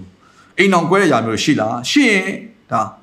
နော်ဒီအခုနင်းနဲ့ကြိုက်တဲ့အနေနဲ့ရီးစားတဲ့အသက်တာထဲမှာလည်းဒါအနည်းနဲ့များရှိလာတတ်တယ်ဆိုတဲ့အရာမျိုးပေါ့နော်ဒါသတိပေးတာပေါ့နော်ဒါနှုတ်ကပတ်တော်ရသူ့ရဲ့သားသမီးကိုသူကသတိပေးထားတာဖြစ်တယ်ဆိုတော့အဲ့လိုပြောကျွန်တော်ကဒီလိုမျိုးအိမ်အောင်ကွဲပြီးသားရှိတဲ့လူတွေကိုမယူနဲ့လို့ကျွန်တော်ပြောတာမဟုတ်ဘူးဒါအပြစ်မျိုးရိုးစင်ဆက်ဆင်းသက်လာတဲ့အပြစ်တရားကိုတတိမူမိဖို့ဖြစ်တယ်ဒါဆိုရင်ကျွန်တော်တို့က ငါတို့ဖျားဘက်ကိုလှည့်ဖို့လိုတယ်ဆိုတာကိုလည်းပို့ပြီးတော့သိလာကြအကြောင်းရှိတယ်ဒါကတော့ကိုယ့်ရဲ့ပတ်ဝန်းကျင်နော်လွှမ်းမိုးမှုနဲ့ဆိုင်တဲ့အရာအဲ့တော့မျိုးရိုးစင်စက်ကစီးစင်းလာတဲ့အဖြစ်အဖြစ်လွှမ်းမိုးခြင်းခံရနံပါတ်3ချက်ကတော့ဗာလဲဆိုတော့စောစောလည်းပြောခဲ့ပြီးပါစိုက်တဲ့အတိုင်းရိပ်ရမယ်ဆိုတော့ဘုရားခင်အစကတည်းကကဘာဦးကလေးကဖန်ဆင်းခြင်းကလေးကတစ်ပင်တွေကိုစဖန်ဆင်းလိုက်ကလေးကဘုရားခင်ချမှတ်ထားတဲ့နီလန်းဖြစ်တယ်နော်သူရဲ့မျိုးစိအမျိုးအစားအတိုင်းပဲအပင်အပင်ပေါက်လာမယ်အသီးသီးလာမယ်အဲ့တော့ဒါစိုက်တဲ့အတိုင်းရိပ်ရတာပေါ့ဒါလည်းကျွန်တော်အများကြီးပြောပြီးကနံပါတ်4ကတော့ဗာလဲဆိုတော့ မိဘမျိုးရိုးစင်ဆက်မှာလွှမ်းမိုးပြီးတော့သွေးဆောင်ခဲ့တဲ့ဒုစရိုက်လန်းတွေကိုခေါ်ခဲ့တဲ့နတ်ဆိုးရဲ့ချောင်းမြောင်ခြင်းအပြင်ပြန်လည်တိုက်ခိုက်ခြင်းဖြစ်တယ်ကျွန်တော်တို့ကျွန်တော်တို့ရဲ့လက်ထက်ကိုရောက်လာတဲ့အခါမှာအရင်သူကကျွန်တော်ပြောမယ်နတ်ဆိုးဆိုတာကနော်ဆိုတော့နော်သူကမျိုးရိုးစင်ဆက်အလုပ်လုပ်တဲ့သဘောရှိတာဟုတ်နော်နတ်ဆိုးရဲ့သဘောတရားကโอเคမျိုးရိုးစင်ဆက်လို့ပြောတဲ့အခါမှာကျွန်တော်တို့နော်ကျွန်တော်ရဲ့ဘိုးဘိုးဘေးတွေကိုသူကလွှမ်းမိုးချုပ်ကင်ခဲ့တဲ့နတ်ဆိုးဖြစ်တယ်ဒါမှမဟုတ်ကျွန်တော်ရဲ့ဘိုးဘေးတွေမှာနတ်ကိုးကွယ်တဲ့ ကိုးကွယ်မှုတွေရှိခဲ့တယ်ဆိုရင်သူတို့ကိုးကွယ်ခဲ့တဲ့ net တွေကနော်သူရဲ့သားသမီးတွေလက်ထက်ရောက်လာရင်လေဟာဒါငါတို့ကိုပူဇော်ပါသခဲ့တဲ့လူတွေရဲ့မျိုးရိုးစင်စယ်ဖြစ်တယ်ဆိုသူကလိုက်ချလာတာပဲလေလိုက်ချလာလဲဘာလုပ်လဲနော်သူကလွှမ်းမိုးခြင်းရှိတာပဲနော်သူကချုပ်ချက်ခြင်းရှိတာပဲသူနှောက်ယှက်ခြင်းရှိတာပဲအဲ့တော့ကျွန်တော်တို့ယေရှုဘက်ကိုလှည့်လိုက်တဲ့အခါမှာနော်စောစောပြောသူတို့ရဲ့လွှမ်းမိုးမှုတွေကျွန်တော်တို့ကလွတ်မြောက်စာလွတ်မြောက်သွားစရာအကြောင်းရှိတယ်သို့တော်လည်းပဲကျွန်တော်တို့ကအပြစ်ပြုတ်လို့လုပ်တဲ့ဆိုရင်သူတို့ကိုအခွင့်အရေးပြန်ပြီးတော့ပေးလိုက်တာနဲ့တူတယ်ဒါကြောင့် ကိုယ့်ရဲ့ဘိုးဘေးပြည်ပင်မျိုးရိုးစင်ဆက်မှာနော်ကိုးကွယ်ခဲ့တဲ့လူတွေပူဇော်ပါသားခဲ့တဲ့နတ်တွေရှိတယ်ဆိုရင်ဒီနတ်ဆိုးတွေရှိခဲ့တယ်ဆိုရင်အဲ့နတ်ဆိုးတွေကကျွန်တော်တို့ရဲ့အသက်တာထဲမှာသူကပြန်လဲပြီးတော့တိုက်ခိုက်ဖို့ရန်နှောက်ယှက်ဖို့ရန်သွေးဆောင်ဖို့ရန်ချောင်းမြောင်းတယ်ဒါကြောင့်မလို့လဲဖခင်ကဘလို့သတိပေးတယ်နော်နှုတ်ကပချမ်းစာထဲမှာဟောက်တော့ခြင်းတွေကဲ့သို့အဘယ်သူကိုဝါမျိုးရမလဲဆိုချောင်းမြောင်းနေတယ်ဆိုတော့ကျွန်တော်တို့ကိုချောင်းမြောင်းနေတော့သူရှိတယ်အဲ့ဒါနတ်ဆိုးနော်ဝိညာဉ်တွေဖြစ်တယ်ဆိုတာကိုလေ သိစေချင်ပါတယ်ဒါကြောင့်လဲကျမ်းစာထဲမှာကျွန်တော်တို့ဟာနော်တိုက်ပွဲနော်ဝိညာဉ်တိုက်ပွဲကိုတိုက်နေရတယ်ဆိုပေါလုကသတိပေးခဲ့တာဖြစ်တယ်ငါတို့ယေရှုကိုယုံကြည်လက်ခံပြီးသွားပြီနော်ငါတို့ဟာဘသူရဲ့တိုက်ခိုက်မှုငါတို့မခံရတော့ဘူးနတ်ဆိုးတွေဆိုလည်းငါတို့မတိုက်ခိုက်တော့ဘူးလို့ယုံကြည်မိတယ်ဆိုရင်စောစောပြောတဲ့ကျမ်းစာတွေကျွန်တော်တို့ကမှားတယ်လို့ပြောရတဲ့နဲ့အတူတူပဲကျွန်တော်တို့ဟာစစ်ပွဲကိုတိုက်နေရတယ်ဘာတိုက်ပွဲလဲဝိညာဉ်တိုက်ပွဲဘယ်သူတွေနဲ့တိုက်နေရလဲနတ်ဆိုးတွေမှောင်မိုက်တကိုတွေကောင်းငင်အာနာဆက်တွေနဲ့တိုက်ခိုက်နေရတာဖြစ်တယ်ဒါကြောင့်မလို့မိမိကိုယ်ကို စစ်သေးရတယောက်ကဲ့သို့ပြင်ဆင်ပါလို့ပေါလုကသတိပေးတာဖြစ်တယ်ကဲဒီနေ့နှုတ်ကပတ်တော်အတွက်ကျွန်တော်တို့အရေးကြီးဆုံးအကောင်းဆုံးအရာတစ်ခုကတော့မလဲဆိုရင်အခုဆော့ဆော့ပြောခဲ့တဲ့မိဘမျိုးရိုးစင်စကစင်တရာချိန်ချင်းနဲ့အမင်္ဂလာအဖြစ်ဒူးဆိုင်တွေကျွန်တော်တို့ရဲ့လက်ထက်ထဲမှာဆော့ဆော့လွှမ်းမိုးခြင်းနဲ့ချုပ်ချယ်ခြင်းနောက်ဆက်ခြင်းတွေကျွန်တော်တို့ကိုတခါတည်းသွေးဆောင်ခြင်းအဖြစ်နော်သွေးဆောင်ခြင်းအဖြစ်ကျွန်တော်တို့ကိုကျွန်တော်တို့ဘိုးဘေးပြုတဲ့အဖြစ်တွေတော့ပုံများတဲ့အဖြစ်ထိလှုပ်ဆောင်ဖို့ရန် ထိုသွေးဆောင်သောလမ်းတွေကနေကျွန်တော်တို့ဘယ်လိုလွတ်မြောက်နိုင်မလဲโอเคအဲ့ဒါလေးကဒီနှုတ်ကပတ်တော်အတွက်အရေးကြီးဆုံးသောအရာတစ်ခုဖြစ်တဲ့ဒါကြောင့်ထိုအရာလေးကိုလေ့လာရအောင်အဲ့တော့ဘုရားသခင်သည်အမြဲတမ်းကျွန်တော်တို့ကိုထွက်မြောက်အောင်လမ်းကိုပြင်ဆင်တဲ့ဘုရားဖြစ်တယ်ဒါကြောင့်အခုဒီမျိုးရိုးစင်စင်နဲ့ဆိုင်တဲ့အဖြစ်ဒူးစရိုက်တွေအားဖြင့်ဘုရားရှင်ကသူ့ဘက်ကိုနော်အဲ့စောစောဒူးစရိုက်တွေကိုစွန့်ပြီးတော့လှည့်လာစေခြင်းတဲ့အခါမှာသူကကျွန်တော်တို့ကိုလှည့်လာလို့ရမယ်နီလန်တလန်ကိုပြင်ဆင်တယ်အဲ့ဒါဘာလို့လဲဆိုတော့ယေရှုခရစ်တော်ဖြစ်တယ်အဲ့နီလန်က ။ဒါကြောင့်ယေရှုခရစ်တော်ကသူ့ကိုယ်သူဘလို့မိတ်ဆက်လဲဆို I am the way I am the way the truth and the life ဘာကြောင့်လဲဆောဆောပြောတဲ့အရာအားလုံးကျွန်တော်ကိုတည်ခြင်းကိုပို့တာဒါပေမဲ့ယေရှုခရစ်တော်ကအသက်ရှင်ခြင်းကိုပို့တာဆောဆောကျွန်တော်ပြောခဲ့တဲ့အမင်္ဂလာချိန်ခြင်းအားလုံးကကျွန်တော်တက်တာတွေမှာလှည့်ဖြားတဲ့အရာတွေဖြစ်တယ်လိန်လေတဲ့အရာတွေဖြစ်တယ်တိုးတော်လည်းယေရှုခရစ်တော်ကတော့ကျွန်တော်တို့အတွက်တမန်တရားဖြစ်တယ်အမှန်တရားတွေမကောက်ဘူးသူကတမန်တရားဖြစ်တယ်နော်တခါတည်းကျွန်တော်လူတွေတတ်မှတ်တဲ့အမှန်တရားဆိုတာကမှားတတ်တယ် နော်တယောက်ရဲ့အမှန်ကနောက်တစ်ယောက်အတွက်မှန်ချင်မှမှန်တယ်တိုးတော်လည်းပဲတမန်တရားဒီဟူသောဘယ်တော့မှမမှားနိုင်သောထိုဘုရားသခင်နီလန်းနေဖြစ်တယ်ယေရှုခရစ်တော်နော်ယေရှုခရစ်တော်ဘာပြော I am the way ဒါအရင်ရေးကြည့်တယ် I am the way the way ဆိုတဲ့နီလန်းဆိုရင်နော်လမ်းပေါ့လမ်းဆိုရင်သူကစတဲ့နေရာရှိတယ်ပြီးရင်အဲ့လမ်းကခေါ်သွားတဲ့နေရာရှိတယ်ဒါကြောင့်အဲ့ကျမ်းစာလေးကဘယ်လိုပြောလဲငါ့ကိုအမိမပြုတ်ရင်အဘယ်သူမျှခမည်းတော်စီတို့မရောက်ရဒါဆိုရင်လမ်းဒီဟူသောယေရှုခရစ်တော်သည် ဘယ်ကိုခေါ်သွားတာလဲအဲ့လမ်းကကျွန်တော်တို့ခမည်းတော်စီကိုခေါ်သွားတာဖြစ်တယ်ဟာလေလုယာ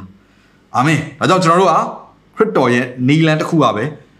ခမည်းတော်စီကိုရောက်နိုင်မယ်အခြားဘာနီလန်မှမရှိဘူးကျွန်တော်ပြောမယ်သင်အပြစ်ဒုစရိုက်တွေကလွတ်ဖို့ချိန်ချင်းအာမင်္ဂလာတွေကလွတ်ဖို့အခြားဘာနီလန်မှမရှိဘူးယေရှုခရစ်တော်တပါးတည်းပဲရှိတယ်ဆိုတော့သဘောပေါက်ဖို့ဖြစ်တယ်တိပေခန်းကြီး1ငယ်စခွန်ကနေစကိုအရင်ဆုံးဖတ်ချင်ပါတယ်ဒါဟာကျွန်တော်တို့အခုဆော့ဆော့မိစင်ဘာဆက်ချိန်ချင်းကနေလွတ်မြောက်စေတဲ့ ထင်းထင်းရှားရှားဖော်ပြထားတဲ့ကျမ်းစာဖြစ်တော့ကြောင်းမလို့ကျွန်တော်ဖတ်မှာဖြစ်တယ်မိစင်ဘာဆက်ကျင်လေသောအချင်းနီးကြင်ကြံပြုမှုခြင်းမှရွှေငွေအစရှိသောဖောက်ပြန်ပျက်စီးတတ်သောဥစ္စာနှင့်သင်တို့ကိုရွေးတော်မူသည်မဟုတ်အဘယ်အပြစ်မြမရှိအညစ်အကြေးနှင့်ကင်းစင်သောတိုးတငယ်ကဲ့သို့သောခရစ်တော်၏အသွေးတော်မြတ်နှင့်ရွေးတော်မူသည်ကိုသိမှတ်ကြလော။ဒါဆိုယေရှုခရစ်တော်ရဲ့ရွေးနှုတ်ခြင်းဟာဘယ်အပြစ်တွေပါပါလဲ။ မိစင်ဘာဆက်ကျင်လေသောအချင်းဒီကျင့်ကြံပြုမှုခြင်းဆိုတဲ့သင်ကြိုက်တဲ့စည်းရင်းကိုချရေးလိုက်။မိစင်ဘာဆက်လုံးသမျှအားလုံးအဲ့ဒီအပြစ်တွေအားလုံးအားလုံးနဲ့ဆိုင်အမင်္ဂလာကျင့်အကုန်လုံးကိုခရစ်တော်ကလက်ဝါးကိုင်းတဲ့ပုံမှာဆေးပြီးသားဖြစ်တယ်။ဘာအဖြစ်လဲသူ့ရဲ့အသွေးတော်အဖြစ်။အာမင်။ဘာကြောင့်လဲဆိုဟေပြက်ခန်းကြီး9 22ကြောင့်ဖြစ်တယ်။ပညာတရားအတိုင်းခတ်သိမ်းသောအရာတို့ကိုကုန်မတက်အသွေးအဖြစ်စင်ကြယ်စေတတ်၏အသွေးမသွန်လောင်းပဲအပြစ်လွတ်ခြင်းမရှိဘုရားကအပြစ်လွတ်ဖို့ရန်အတွက်ကဘာဦးကလေးကချမှတ်ခဲ့သော အသွေးသွန်လောင်းခြင်းမရှိရင်အပြစ်ဖြစ်လို့ခြင်းမရှိဆိုရဲအဲ့ဒီဥပဒေသားသည်ယေရှုခရစ်တော်အားဖြင့်ပြည့်စုံတယ်ခရစ်တော်သည်အပြစ်နဲ့ကင်းတော်သူရဲ့အသွေးကိုဆေးကြောခြင်းအဖြစ်သင်နဲ့ကျွန်တော်ရဲ့မိစဉ်ပါဆက်ကဆင်းသက်လာတဲ့အပြစ်ဒုစရိုက်နဲ့ဆန်တော့အမင်္ဂလာချိန်ချင်းအားလုံးကိုကျွန်တော်တက်တာမှာလွှမ်းမိုးတဲ့အရာအားလုံးကိုချိုးဖျက်ခဲ့ပြီးသားဖြစ်တယ်။ဒါဆိုချိုးဖျက်ခဲ့ပြီးသားဆိုရင်အလိုလိုကျွန်တော်တက်တာတွေကိုရောက်လာမလား။မရောက်ပါဘူး။မရောက်ပါဘူး။ ဒါဒါကြောင့်ဒီနှုတ်ကပတ်တော်ကျွန်တော်ဝင်ငှခြင်းဖြစ်တယ်။အလိုလိုရောက်တယ်ဆိုရင်ကျွန်တော်ဟောစရာအကြောင်းတော့မရှိတော့ဘူး။ဆိုတော့ကယ်တင်ခြင်းဆိုတဲ့သဘောတရားအတိုင်းပါပဲ။နော်။တေခြင်းကနေအသက်ရှင်ခြင်းကိုကူးမြောက်ခြင်းထာဝရအသက်ရခြင်းဆိုတဲ့သဘောတရားအတိုင်းပါပဲ။သူကယေရှုခရစ်တော်ရဲ့လဝါကားရဲ့ပုံမှာအသေးခံခြင်းအသွေးသွန်းလောင်းခြင်းဟာလောကလူသားအားလုံးအတွက်ဖြစ်တယ်။ဒါပေမဲ့အားလုံးကကယ်တင်ခြင်းရလား။မရဘူး။ဘသူတွေပဲကယ်တင်ခြင်းရတယ်။ထိုယေရှုကိုယုံကြည်လက်ခံတော်သူတွေကပဲကယ်တင်ခြင်းရတာဖြစ်တယ်။ ဒါကြောင့်ယေရှုကပြုခဲ့ပြီးပြီလားကျွန်တော်တို့မိစဉ်ပါဆက်ရဲ့အပြစ်ကြိမ်ခြင်းနဲ့အားလုံးတွေပြုခဲ့ပြီးပြီ။ဒါပေမဲ့ဘသူနဲ့ပဲသက်ဆိုင်တယ်။ထိုအရာကိုသဘောပေါက်နားလည်ပြီးတော့အပြစ်တွေကိုဝန်ချပြီးတော့နောင်တနဲ့ထိုဖျားဘက်ကိုလှည့်တော်သူကပဲထိုလွတ်မြောက်ခြင်းနဲ့သက်ဆိုင်တာဖြစ်တယ်။ဟောဒါဟာသူသဘောတရားကအတူတူပဲဖြစ်ပါတယ်အဲ့တော့ဘုရားသခင်ပြင်ဆင်တဲ့ယေရှုခရစ်တော်အဖြစ်ကျွန်တော်တို့ဘက်ကလှုပ်ဆောင်မယ့်နည်းလမ်းနှစ်ခုရှိတယ်ပထမတစ်ခုကနောင်တရဖို့ဖြစ်တယ်ဒုတိယတစ်ခုက ဝန်ခံမှုဖြစ်တယ် confess confess ဝန်ခံမှုဖြစ်တယ်။တော့ကျွန်တော်တို့ယုံကြည်သူတွေရဲ့အသက်တာမှာဝန်ချခြင်းအပြစ်ကိုဝန်ချခြင်းဆိုတာတိတ်ရေးကြီးပါတယ်။တရောတစ်ကိုနော်ကျွန်တော်တို့ရဲ့အပြစ်ဒုစရိုက်ရှိသမျှကိုကျွန်တော်တို့လှုပ်လှုပ်ဆောင်ခဲ့တဲ့အပြစ်တွေကိုဝန်ချတောင်းပန်ဖို့ဖျားရှင်အလိုရှိတယ်။အဲ့လိုသာဝန်ချမယ်အပြစ်တွေကိုဖော်ပြမယ်စွန့်ပစ်မယ်ဆိုရင်နော်ကျွန်တော်တို့အပြစ်ရှိသမျှကိုကင်းစင်ဖို့ရန်ဘုရားသခင်တတ်နိုင်တယ်။ဟာလေလုယာ။အဲကြောင့်ယေရှုခရစ်တော်ကအပြစ် စေကြောခြင်းနဲ့ဆိုင်တဲ့ရောက်လက်ဝါးကားတဲ့ပုံမှာလောက်ခဲ့ပြီးပြီကျွန်တော်ဘက်ကလောက်ခဲ့ရလောက်ရမယ့်ຢာကနောင်တရရမယ်နံပါတ်1ချက်ကျွန်တော်နောင်တမရပဲပါဇက်ကနေသူကစင်းတွေကိုချပြီးတော့ရွတ်နေလဲဘာမှအတိတ်မှမရှိဘူးဘာကြောင့်လဲဒီစင်းကိုရွတ်ပြီးနောက်တရက်ကျတဲ့ဒုစရိုက်အဖြစ်ပြန်လုံးမှာဖះဘလို့သတ်မှတ်မလဲဘိုးဘေးရဲ့အဖြစ်ကိုလုတ်ပြန်ပြီဒီလိုပဲပြောမှာအဲ့တော့တင်ကဒီပါဇက်ကဝန်ခံတာရေးကြည့်တာအရေးကြီးတယ်ဒါပေမဲ့အရင်ဆုံးကနှလုံးသားတွေကယုံကြည်ခြင်းအရင်ရေးကြည့်တယ်နှလုံးသားရဲ့ယုံကြည်ခြင်းဆိုတာဘာကိုပြောနေရလဲစစ်မှန်သောနောင်တနဲ့ဖះဘက်ကိုလှည့်လာခြင်းကိုပြောနေတာစစ်မှန်တဲ့နောင်တနဲ့ နော်ငါအဖြစ်တွေဟာတကယ်ပဲကြီးမားလွန်းပါတယ်ငါဘိုးဘေးရဲ့အဖြစ်တွေဟာများပြားလွန်းပါတယ်နောက်ဒီဒုစရိုက်လမ်းကနေကျွန်တော်လွတ်ချင်တယ်ကိုရောရဲ့ဒီအဖြစ်ဒုစရိုက်တွေဟာမှားကြောင်းကျွန်တော်သိပါပြီထိုးရတယ်ကိုစွန့်ပစ်ပါမယ်လို့နောင်တရပြီးတော့ဖျားဘက်ကိုမိမိအဖြစ်ကိုဖော်ပြပြီးတော့လှည့်လာခြင်းဟာကြင်ချင်းအမှန်ကအလုံးစုံကလွတ်မြောက်ခြင်းဖြစ်ပါတယ်ဒါကျွန်တော်တို့ရဲ့အဖြစ်ဖြစ်တယ်ကျွန်တော်တို့ရဲ့အဖြစ်ဖြစ်တယ်အဲ့တော့ကျွန်တော်တို့နော်နောင်တရခြင်းဆိုတဲ့အရာကရှင်းရှင်းလေးနဲ့ကျွန်တော်နားလည်အောင်ပြောပြအောင်ချို့တယ်နောင်တရခြင်းကိုတခါတည်းဘာမှမသိဘူးဟိုလိုဒီလိုတွေ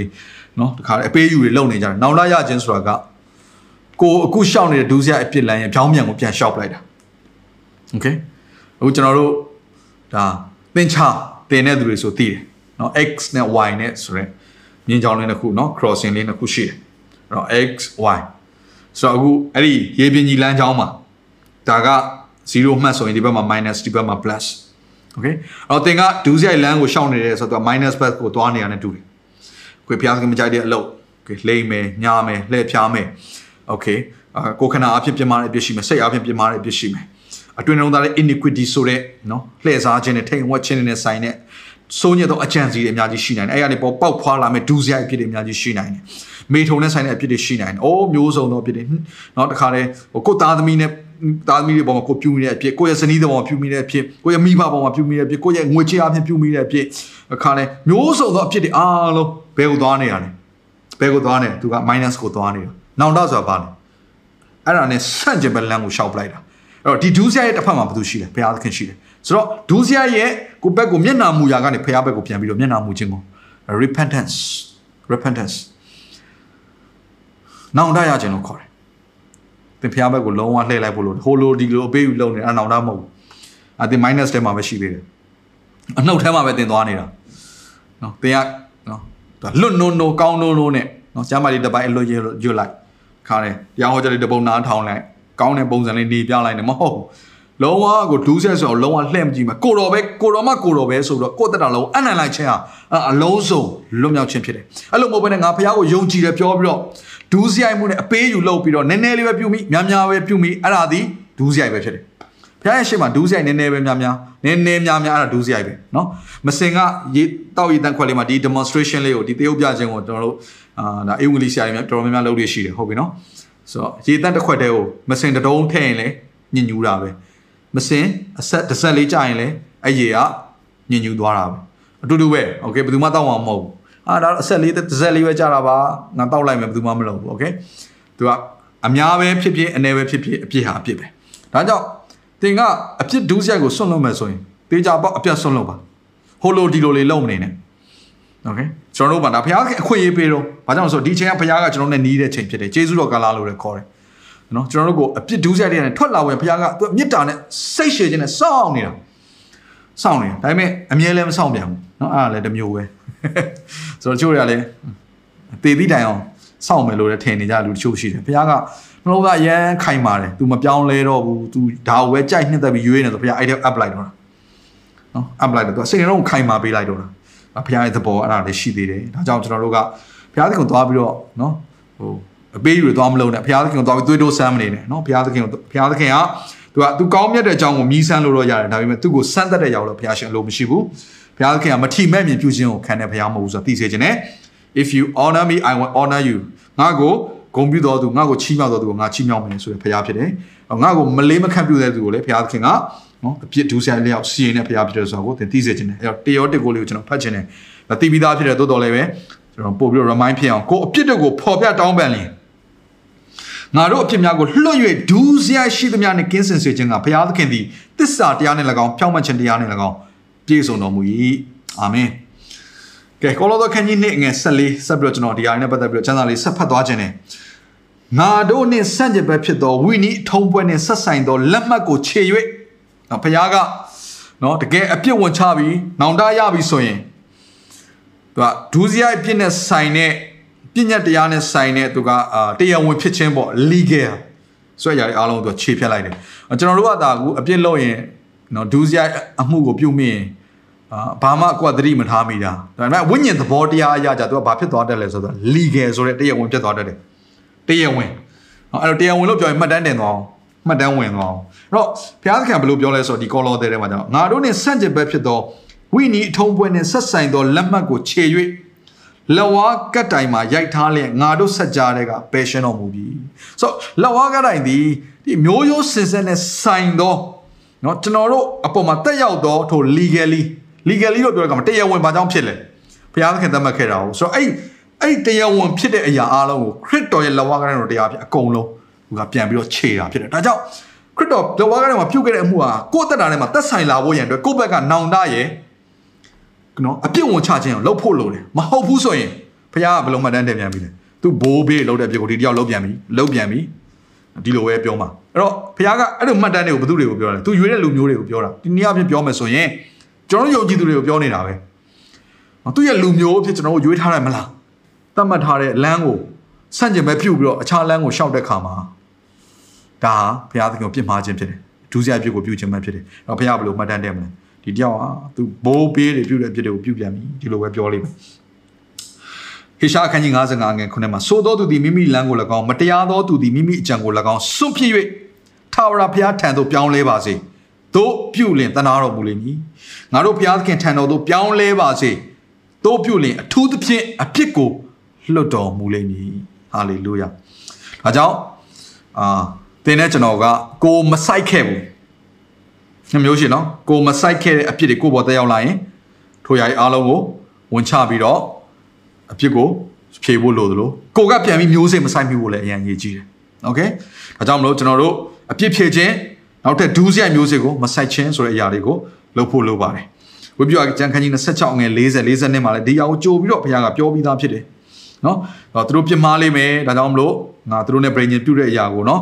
ငါဖြတ်မယ်ဒါပေမဲ့လည်းငါဘက်ကိုပြန်လှည့်လာရင်တော့ငါပြန်ပြီးအောင်းမိမယ်ဆိုရရေးထားပြီးသားဖြစ်တယ်ကျွန်တော်ဖတ်ချင်တယ်ဝိပ္ပယကျမ်းခန်းကြီး26 40ကနေ ကျွန်တော်တို့42မှာဖြစ်တယ်တို့ရာတွင်သူတို့ဒီငါကိုပြစ်မှား၍ငါကိုဆန့်ကျင်ဘက်ပြုသောကြောင့်ငါသည်သူတို့ကိုဆန့်ကျင်ဘက်ပြုရန်သူပြည်သို့ပို့ဆောင်သောအကြောင်းများနဲ့တကွကိုအပြစ်ဘိုးဘေးတို့အပြစ်များကိုဖော်ပြတောင်းပန်လင်၎င်းအရေးပြားလှီးခြင်းကိုမခံသောမိမိတို့နှလုံးကိုနှိမ်ချ၍မိမိတို့အဖြစ်ကြောင့်ခံရသောဒဏ်ကိုဝန်ခံလျင်၎င်းဒါကြောင့် confess ဆိုတဲ့ဝန်ခံခြင်းသိရေးကြီးတယ်ငါသည်ယာကုပ်နှင့်ပြုသော brain ဣဇက်နှင့်ပြုသော brain ကို၎င်းအာဗြဟံနှင့်ပြုသော brain ကို၎င်းအောင်းမိမည်ဘယ်အချိန်မှအောင်းမိမှာလဲ confess အပြစ်တွေဝန်ချပြီးတော့ဖျားဘက်ကိုနောင်တနဲ့ပြန်လှည့်လိုက်အဲ့တော့ကျွန်တော်ဒီဒီအပြစ်ဝန်ချခြင်းဆိုတဲ့အရာကိုဒန်ရီလာရဲ့အသက်တာအားဖြင့်ကျွန်တော်အခုဖော်ပြခြင်းတယ်ဒန်ရီလာဘယ်လိုပုံစံနဲ့အပြစ်ကိုဝန်ချသွားလဲဒါဆိုရင်ကျွန်တော်တို့လည်းသဘောပေါက်မယ်လို့ကျွန်တော်ယုံကြည်တယ်ဒန်ရီလာလက်ထက်ဟာဒါသူကနော်ရန်သူတွေတိမ့်သွားခြင်းခံရလက်ထက်ဖြစ်တယ်ဘာကြောင့်လဲဆိုဆော့ဆော့ကျွန်တော်တို့ဖတ်ခဲ့တဲ့နော်ဒါဓမ္မရာဆိုရင်ထဲမှာဖတ်ခဲ့တဲ့ဘိုးဘေးအားလုံးရဲ့အပြစ်တွေအားဖြင့်ဖျားသခင်တခါတည်းရှင်ပြင်းတွေလက်ထဲကိုဣသရေလတိုင်းနဲ့အကုန်လုံး apply တဲ့ခါကျတော့အခု နေဘုခနေစာမင်းကြီးလက်ထက်မှာယေရုရှလင်မြို့ကိုလာသိမ်းပြီးတော့ဘသူပါသွားလဲဆိုတော့ဒန်ယေလာနဲ့သူရဲ့တငယ်ချင်းတွေနော်ဒီလိုမျိုးဆယ်ကျော်သက်အရွယ်တွေသူတို့သိမ်းသွားခြင်းခံရတယ်တိုးတော်လည်းပဲဒီအကြောင်းသိသိမှာပါဘုရားသခင်ကျေးဇူးတော်အားဖြင့်မျက်နှာသာပေးခြင်းအားဖြင့်ဘုရားကိုကြောက်ရွံ့သောကြောင့်ကြုံခံရတဲ့အချိန်မှာပဲနန်းတော်ထိတိုင်အောင်ကြီးညောင်ခြင်းခံစားရတယ်အဲ့တော့ဒန်ယေလာကသူကတရက်တော့နော်သူက prophet ပြုချက်ကျမ်းစာကိုဖတ်တယ်နော်ဖတ်တဲ့ခါကျတော့အဲ့ဒီမှာဘာတွေ့လဲဆိုတော့ဒါဘုရားသခင်ကယေရုရှလင် ကိုနှစ်90ပြည့်တဲ့ခါမှာပေးမယ်ဆိုတော့ prophet ပြုချက်ကိုတွေးလဲတွေးရောခါတဲ့သူကငိုကြွေးပြီးတော့အစာရှောင်ပြီးဆူတောင်းတယ်သူရဲ့ဆူတောင်းချက်လေးကိုကျွန်တော်ပတ်ချင်တယ်ကျွန်တော်အပိုင်းလေးတွေဖြတ်ပြီးတော့ဖတ်သွားချင်တယ်အခန်းကြီး9တဲ့ကဒိုင်းလာခန်းကြီး9ငယ်17 16 19 20ကိုကျွန်တော်ဖတ်ချင်ပါတယ်ဒါကငါလေးဖတ်လိုက်မယ်ဆိုရင်သူဘယ်လိုဆူတောင်းလဲဆိုတော့သဘောပေါက်မှာဖြစ်တယ်ဆိုတော့ဖတ်ချင်တယ်အငယ်နော်ဒါ7ကနေစဖတ်ချင်ပါတယ်အကယ်စင်စစ်ဣသေလအမျိုးသားပေါင်းတို့သည်ဗျာဒိတ်တော်အတန်ကိုနားမထောင်လွဲသွား၍ ပြည့်ညတ်တရားတော်ကိုလွန်ကျူးကြပါပြီတို့ဖြစ်၍ကိုတော်ကိုပြစ်မှားသောအဖြစ်ကြောင့်ကျိန်ဆိုတော်မူခြင်းတည်းဟုသောဘုရားသခင်ကျွန်မောရှေပြည့်ညတ်ကျမ်း၌မှတ်ထားသောအကျင့်ကိုကျွန်ုပ်တို့ဘော်သို့တွန်းလောင်းတော်မူ၏အိုဖျားရှင်ဖြောင့်မတ်တော်မူသောတရားတော်ရှိသမျှတို့နှင့်အညီဒါကတော့အငယ်16မှာဖြစ်တယ်တန်ရှင်းသောတောင်တော်ဒီဟုသောကိုရောယေရုရှလင်မြို့မှပြင်းစွာသောဒေါသအမျက်တော်ကိုလွှဲတော်မူပါဟုကျွန်တော်တောင်းပန်ပါ၏အခုဘသူကဆူတောင်းနေတယ်ပြန်ပြီးတော့အပြစ်ဝင်ချနေတယ်ဒန်ယေလ သူကသူ့ဘိုးဘေးတွေအဲတောက်လျှောက်ပြုတ်ခဲ့တဲ့အဖြစ်တွေကသူကဝင်ချတာဒါဘလို့ဝင်ချလို့ရလဲဆိုတဲ့ဟာလေးကိုကျွန်တော်တို့လေ့လာတာဖြစ်တယ်အကြောင်းမူကားကျွန်တော်တို့၏အပြစ်များမှစာ၍ဘိုးဘေးတို့၏အပြစ်များကြောင့်ယေရုရှလင်မြို့နှင့်ကိုတော်၏လူစုသည်ပတ်ဝန်းကျင်၌ရှိသောသူတို့တွင်ကဲ့ရဲ့စရာအကြောင်းဖြစ်ပါ၏အငယ်16 20မှာအိုဖျားရှင်နားထောင်တော်မူပါအိုဖျားရှင်အပြစ်ကိုလွတ်တော်မူပါအိုဖျားရှင်နားထောင်၍ပြုတော်မူပါကျွန်တော်၏ဖျားသခင်ကိုတော့အတွက် ဖိနှွဲ့တော်မမူပါနဲ့ကိုတော်ဤမြို့ကိုတော်ဤလူစုတော်သည်နာမတော်ဖြင့်သမုတ်ချင်းရှိပါသည်ဆုတောင်းပရဏာပြု၏ထို့တို့ဆုတောင်းပရဏာပြု၍ကိုအပြစ်ကို၎င်းနံပါတ်1ချက်ကိုအပြစ်ကို၎င်းနံပါတ်2ချက်အမျိုးသားချင်းဣသေလတို့၏အပြစ်ကိုဖော်ပြ၍တောင်းပန်၍ငါကိုးကွယ်သောဘုရားသခင်တန်ရှင်းသောတောင်းတော်ဖို့ငါပြုသောပရဏာစကားကိုငါ၏ဘုရားသခင်ထာဝရဘုရားရှေ့တော်၌စက္ကလျက်နေ၏တော့ဒီကျမ်းစာလေးကဘာတွေ့ရလဲသူကသူ့ရဲ့အပြစ်ကိုလည်းဝန်ချတယ် သိပ္ပယ်ကပါလဲသူဖျားရဲ့လမ်းကိုပဲရွေမတူးဆိုင်လမ်းကိုလွှဲရှောင်မယ်နောက်တစ်ခုသူဘိုးဘေးတွေအဖြစ်တွေကိုလည်းသူကဝန်ချတောင်းပန်တယ်ဆိုတော့ဒန်ယေလကတော့မှသူဘိုးဘေးတွေအဖြစ်ကိုဝန်ချတောင်းပန်တယ်ဆိုကျွန်တော်တို့ကဘာကြောင့်မတောင်းပန်ရမှာလဲနော်ကျွန်တော်တို့ရဲ့ဘိုးဘေးတွေရဲ့အဖြစ်တွေဟာကျွန်တော်တို့တက်တာထဲမှာညောင်များစွာနော်လွှမ်းမိုးလျက်ရှိတယ်ဆိုတော့ကျွန်တော်သိဖို့ဖြစ်တယ်ဒါကြောင့်တောင်းပန်မယ်ဆိုရင်ယေရှုခရစ်တော်လက်ဝါးကားရဲ့ပေါ်မှာအမှုကိုပြုခဲ့ပြီးသားဖြစ်တဲ့ထိုအဖြစ်စေကြောခြင်းကျွန်တော်တို့ရဲ့တက်တာတွေကို ရောက်လာမှာဖြစ်တယ်။ကဲအခုကျွန်တော်မိဘဘိုးဘေးတွေရဲ့အပြစ်ကိုယ့်ရဲ့အပြစ်လို့ပြောတဲ့ခါမှာအခုကိုယ့်ရဲ့အပြစ်အကြောင်းလေးကိုပြောပြီးတော့ကျွန်တော်အဆုံးသတ်ခြင်းတယ်เนาะဒါကတော့ကျွန်တော်နောက်ဆုံးဖြစ်တယ်။အဲ့တော့ကိုယ့်ရဲ့အပြစ်ကိုကျွန်တော်တို့သဘောပေါက်သွားပြီဆိုရင်လည်းကိုယ့်ရဲ့အပြစ်ဘိုးဘေးတွေပြုပြီးတဲ့အပြစ်ပြစ်ကိုကျွန်တော်တို့ဝန်ချတောင်းပန်လို့ရတယ်။အဲ့တော့ဘုရားကအပြစ်ဆိုတာကိုဘယ်လိုသတ်မှတ်လဲ။ဒါလည်းစိတ်ဝင်စားဖို့ကောင်းတယ်။ကျမ်းစာအရာကတော့ယောမခန်းကြီး14 23မှာယုံသောစိတ်မရှိပဲကျင့်သမျှသောအကျင့်တို့သည်အပြစ်ရှိကြ၏။တော့တင်းအဲ့တော့ကြင်ကြံပြုတ်မှုခြင်းထက်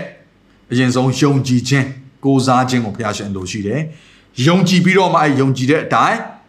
ထိုယုံကြည်ခြင်းအတိုင်းကိုအသက်ရှင်နေထိုင်ခြင်းကိုဒါသွားရမှာဖြစ်တယ်ကျွန်တော်တို့ကဒါကြောင့်အကျင့်ကိုအရင်ဆုံးလှုပ်ဆောင်ပြီးတော့ကိုယ့်တက်တာကိုဖြောင့်မတ်ဖို့ကြိုးစားတာမဟုတ်တော့ဘူးဘုရားခင်ပြုတ်ခဲ့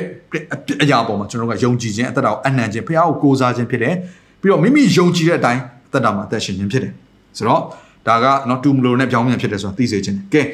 ယောဟန်တော့တယောဒါတယောခန်းကြီး 3အငယ်လေးမှာဖြစ်တယ်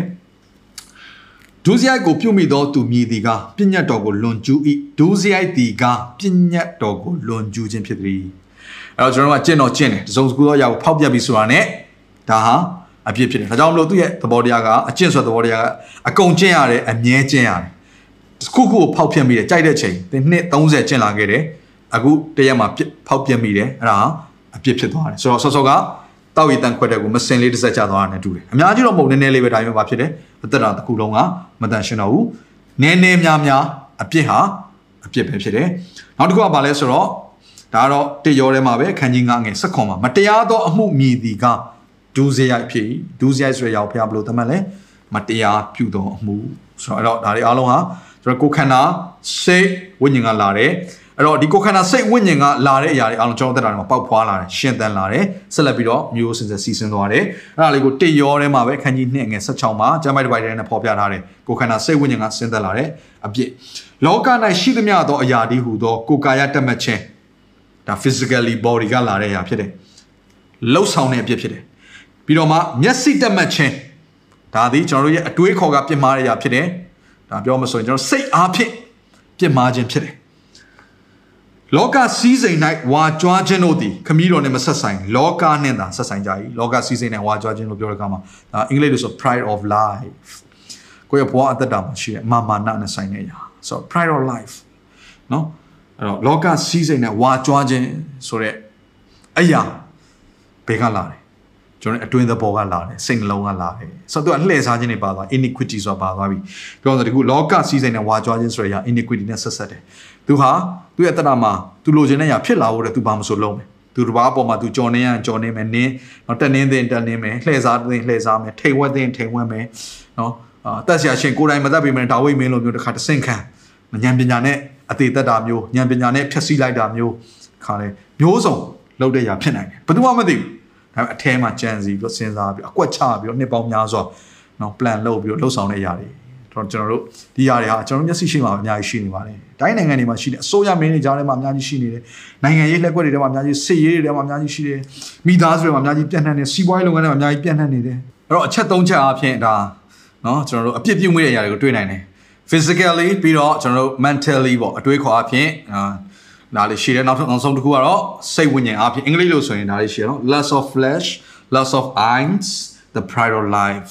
ဆိုတော့ဒါလေးဟာကျွန်တော်ပြုမိတဲ့အဖြစ်ဖြစ်တယ်အဲ့တော့အခုကျွန်တော်နည်းနည်းလေးအဖြစ်လေးနည်းနည်းလေးလှုပ်လေးလှုပ်ထားရှိတယ်ကျွန်တော်တက်တာမှာထွန်းမိုးလေးရှိတဲ့အဖြစ်တချို့ကိုကျွန်တော်ဒါအချင်းချုံပြီးတော့ overview လေးခေါင်းစဉ်လေးပြောပြခြင်းတယ်နော်ကျွန်တော်ဒါလေးကျွန်တော် list လုပ်ထားတယ်ပေါ့နော်အဲ့တော့မိမိတာဝန်ယူရမယ့်တာဝန်ကိုမယူတဲ့ຢာအဖြစ်ဖြစ်တယ်ဥပမာဆိုမိဘတယောက်အနေနဲ့တာဝန်မကျေတာမျိုး ခင်မောတဲ့အနေနဲ့တာဝန်မကျေတာမျိုးစနီးတဲ့အနေနဲ့တာဝန်မကျေတာမျိုးခေါင်းဆောင်တယောက်အနေနဲ့တာဝန်မကျေတာမျိုးမိမိ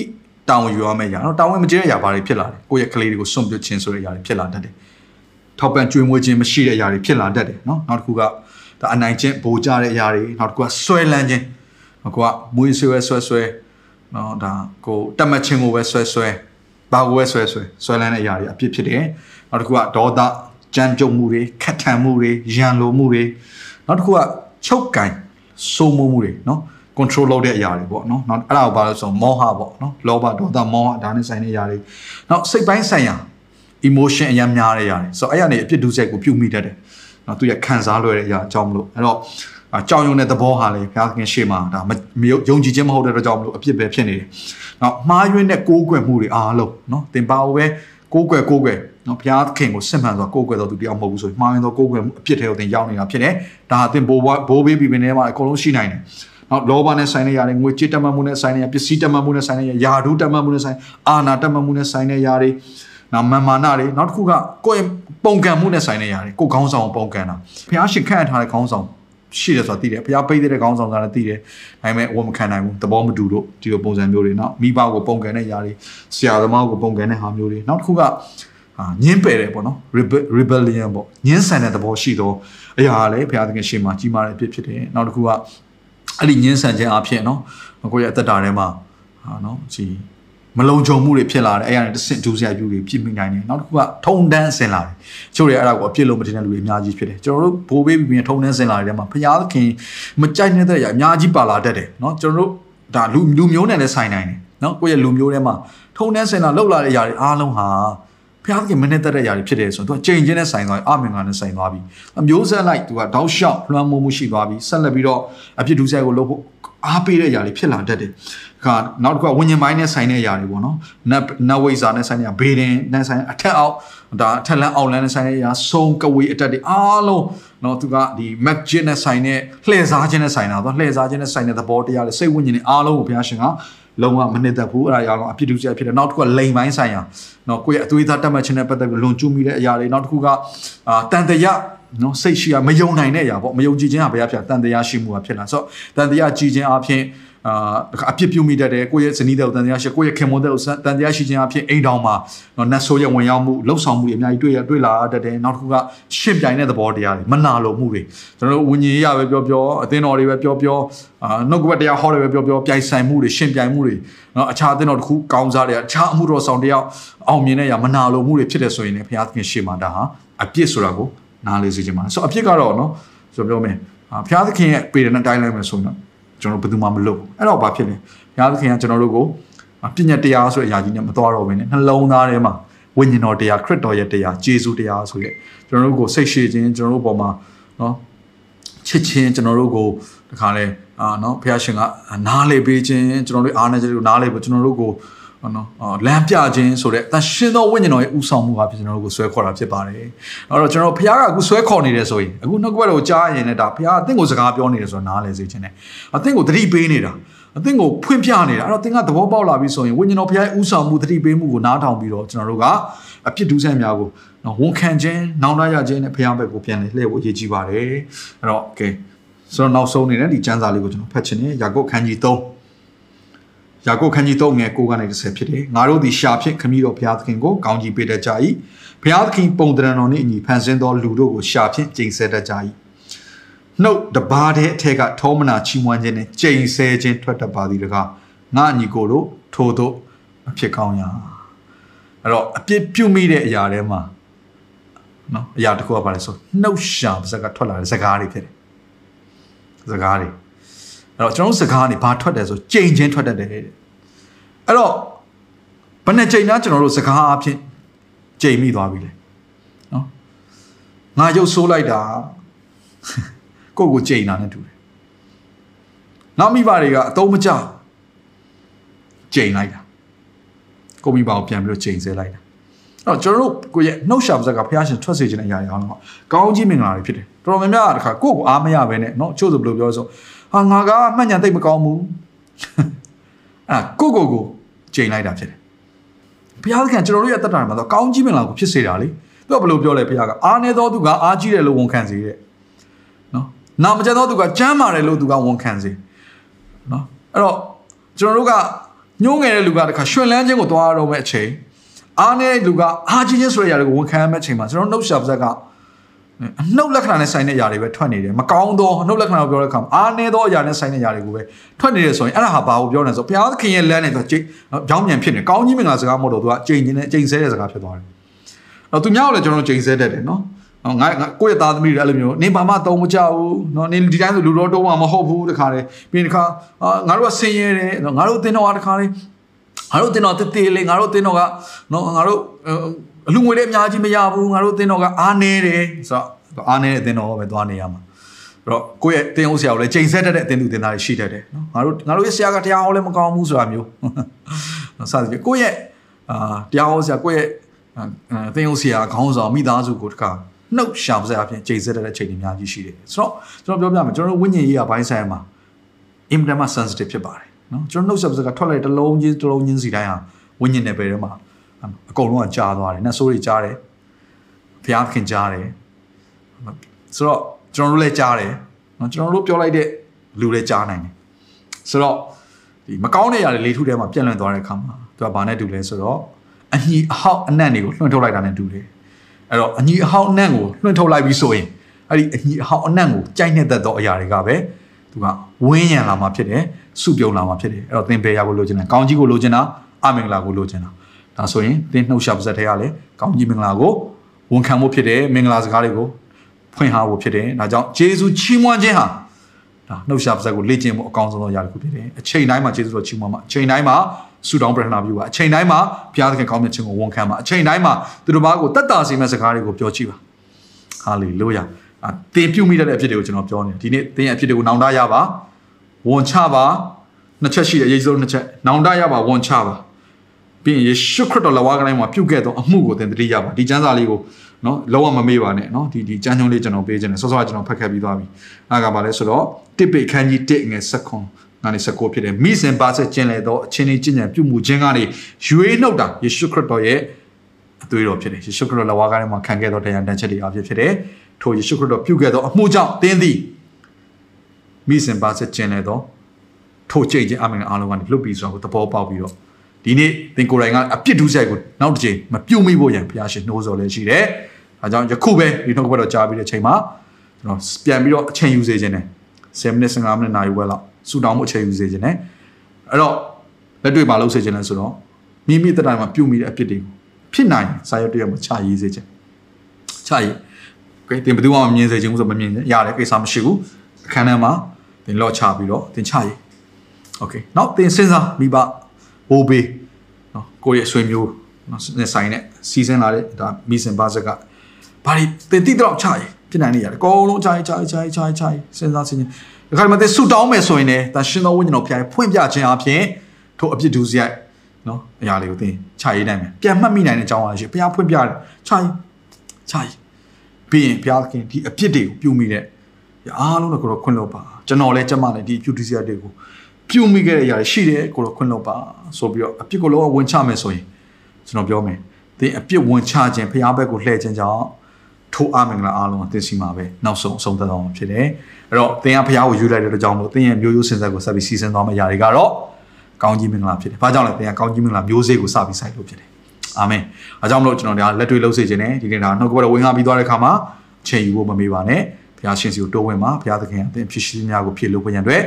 ဆောင်ကြုံနေတဲ့ဘုရားဖြစ်တယ်။မေတ္တာကယူနာပြေဝတဲ့ဘုရားဖြစ်တယ်။ဖြောင့်မတ်တော်ဘုရားဖြစ်တယ်။ဘုရားရှင်ခွင့်မလွတ်နိုင်သောအပြစ်တစ်စုံတစ်ခုမှမရှိပါဘူး။ဘုရားရဲ့မေတ္တာထက်ကြီးတဲ့အပြစ်မရှိပါဘူး။သင်ဘလောက်အပြစ်ကြီးကြီးဘုရားမေတ္တာကတာ၍ကြီးသောကြောင့်သင်အပြစ်ရှိသမျှနဲ့ကင်းစင်စေခြင်းကဘုရားသခင်တတ်နိုင်ပါတယ်။ဘုရားရဲ့အပြစ်ခွင့်လွတ်ခြင်းသည်သင်နဲ့သင်ရဲ့မျိုးရိုးစင်ဆက်မိသားစုပေါ်မှာပြည့်ရှံစွာတက်ရောက်ပါစေ။ ဒီအစီအစဉ်လေးအပြင်တင်းရဲ့အသက်တာမှာကောင်းကြီးဖြစ်မယ်ဆိုတာကိုကျွန်တော်ယုံကြည်ပါတယ်ဗီဒီယိုကြည့်ပြီးခံယူလို့သူများအတွက်အပတ်စဉ်တရားဟောခြင်းများ Bible Study ကြီးမွန်ကိုယ်ွယ်ခြင်းနဲ့အခြားသောအကြောင်းအရာတွေဟာတင်းအတွက်အဆင်သင့်ရှိနေပါတယ် YouTube မှာ The City Space TV လို့ရိုက်ထည့်လိုက်တဲ့အခါကျွန်တော်တို့ကိုတွေ့ရှိမှာဖြစ်ပါတယ် Subscribe လုပ်ခြင်းအပြင်တင်းနဲ့ထက်ချက်မကွာအမြင်ရှိနေပါပါဒါအပြင် Facebook မှာလည်း The City ရန်ကုန်လို့ရိုက်ထည့်လိုက်တဲ့အခါတည်င်းအချက်အလက်နဲ့ poster တွေကိုအချိန်နဲ့တပြေးညီ တွေ့ရှိအောင်မှာဖြစ်ပါတယ်ခင်ဗျာ The City Podcast ကိုနားထောင်သူတိုင်းဖျားသခင်ရဲ့ထူကြသောဖွင့်ပြချက်နဲ့ကောင်းကြီးမင်္ဂလာများခံစားမိကြောင်းကျွန်တော်ဆုတောင်းရင်ဤစီစဉ်လေးကိုဒီမှာပဲညှိနှိုင်းပါရစေခင်ဗျာ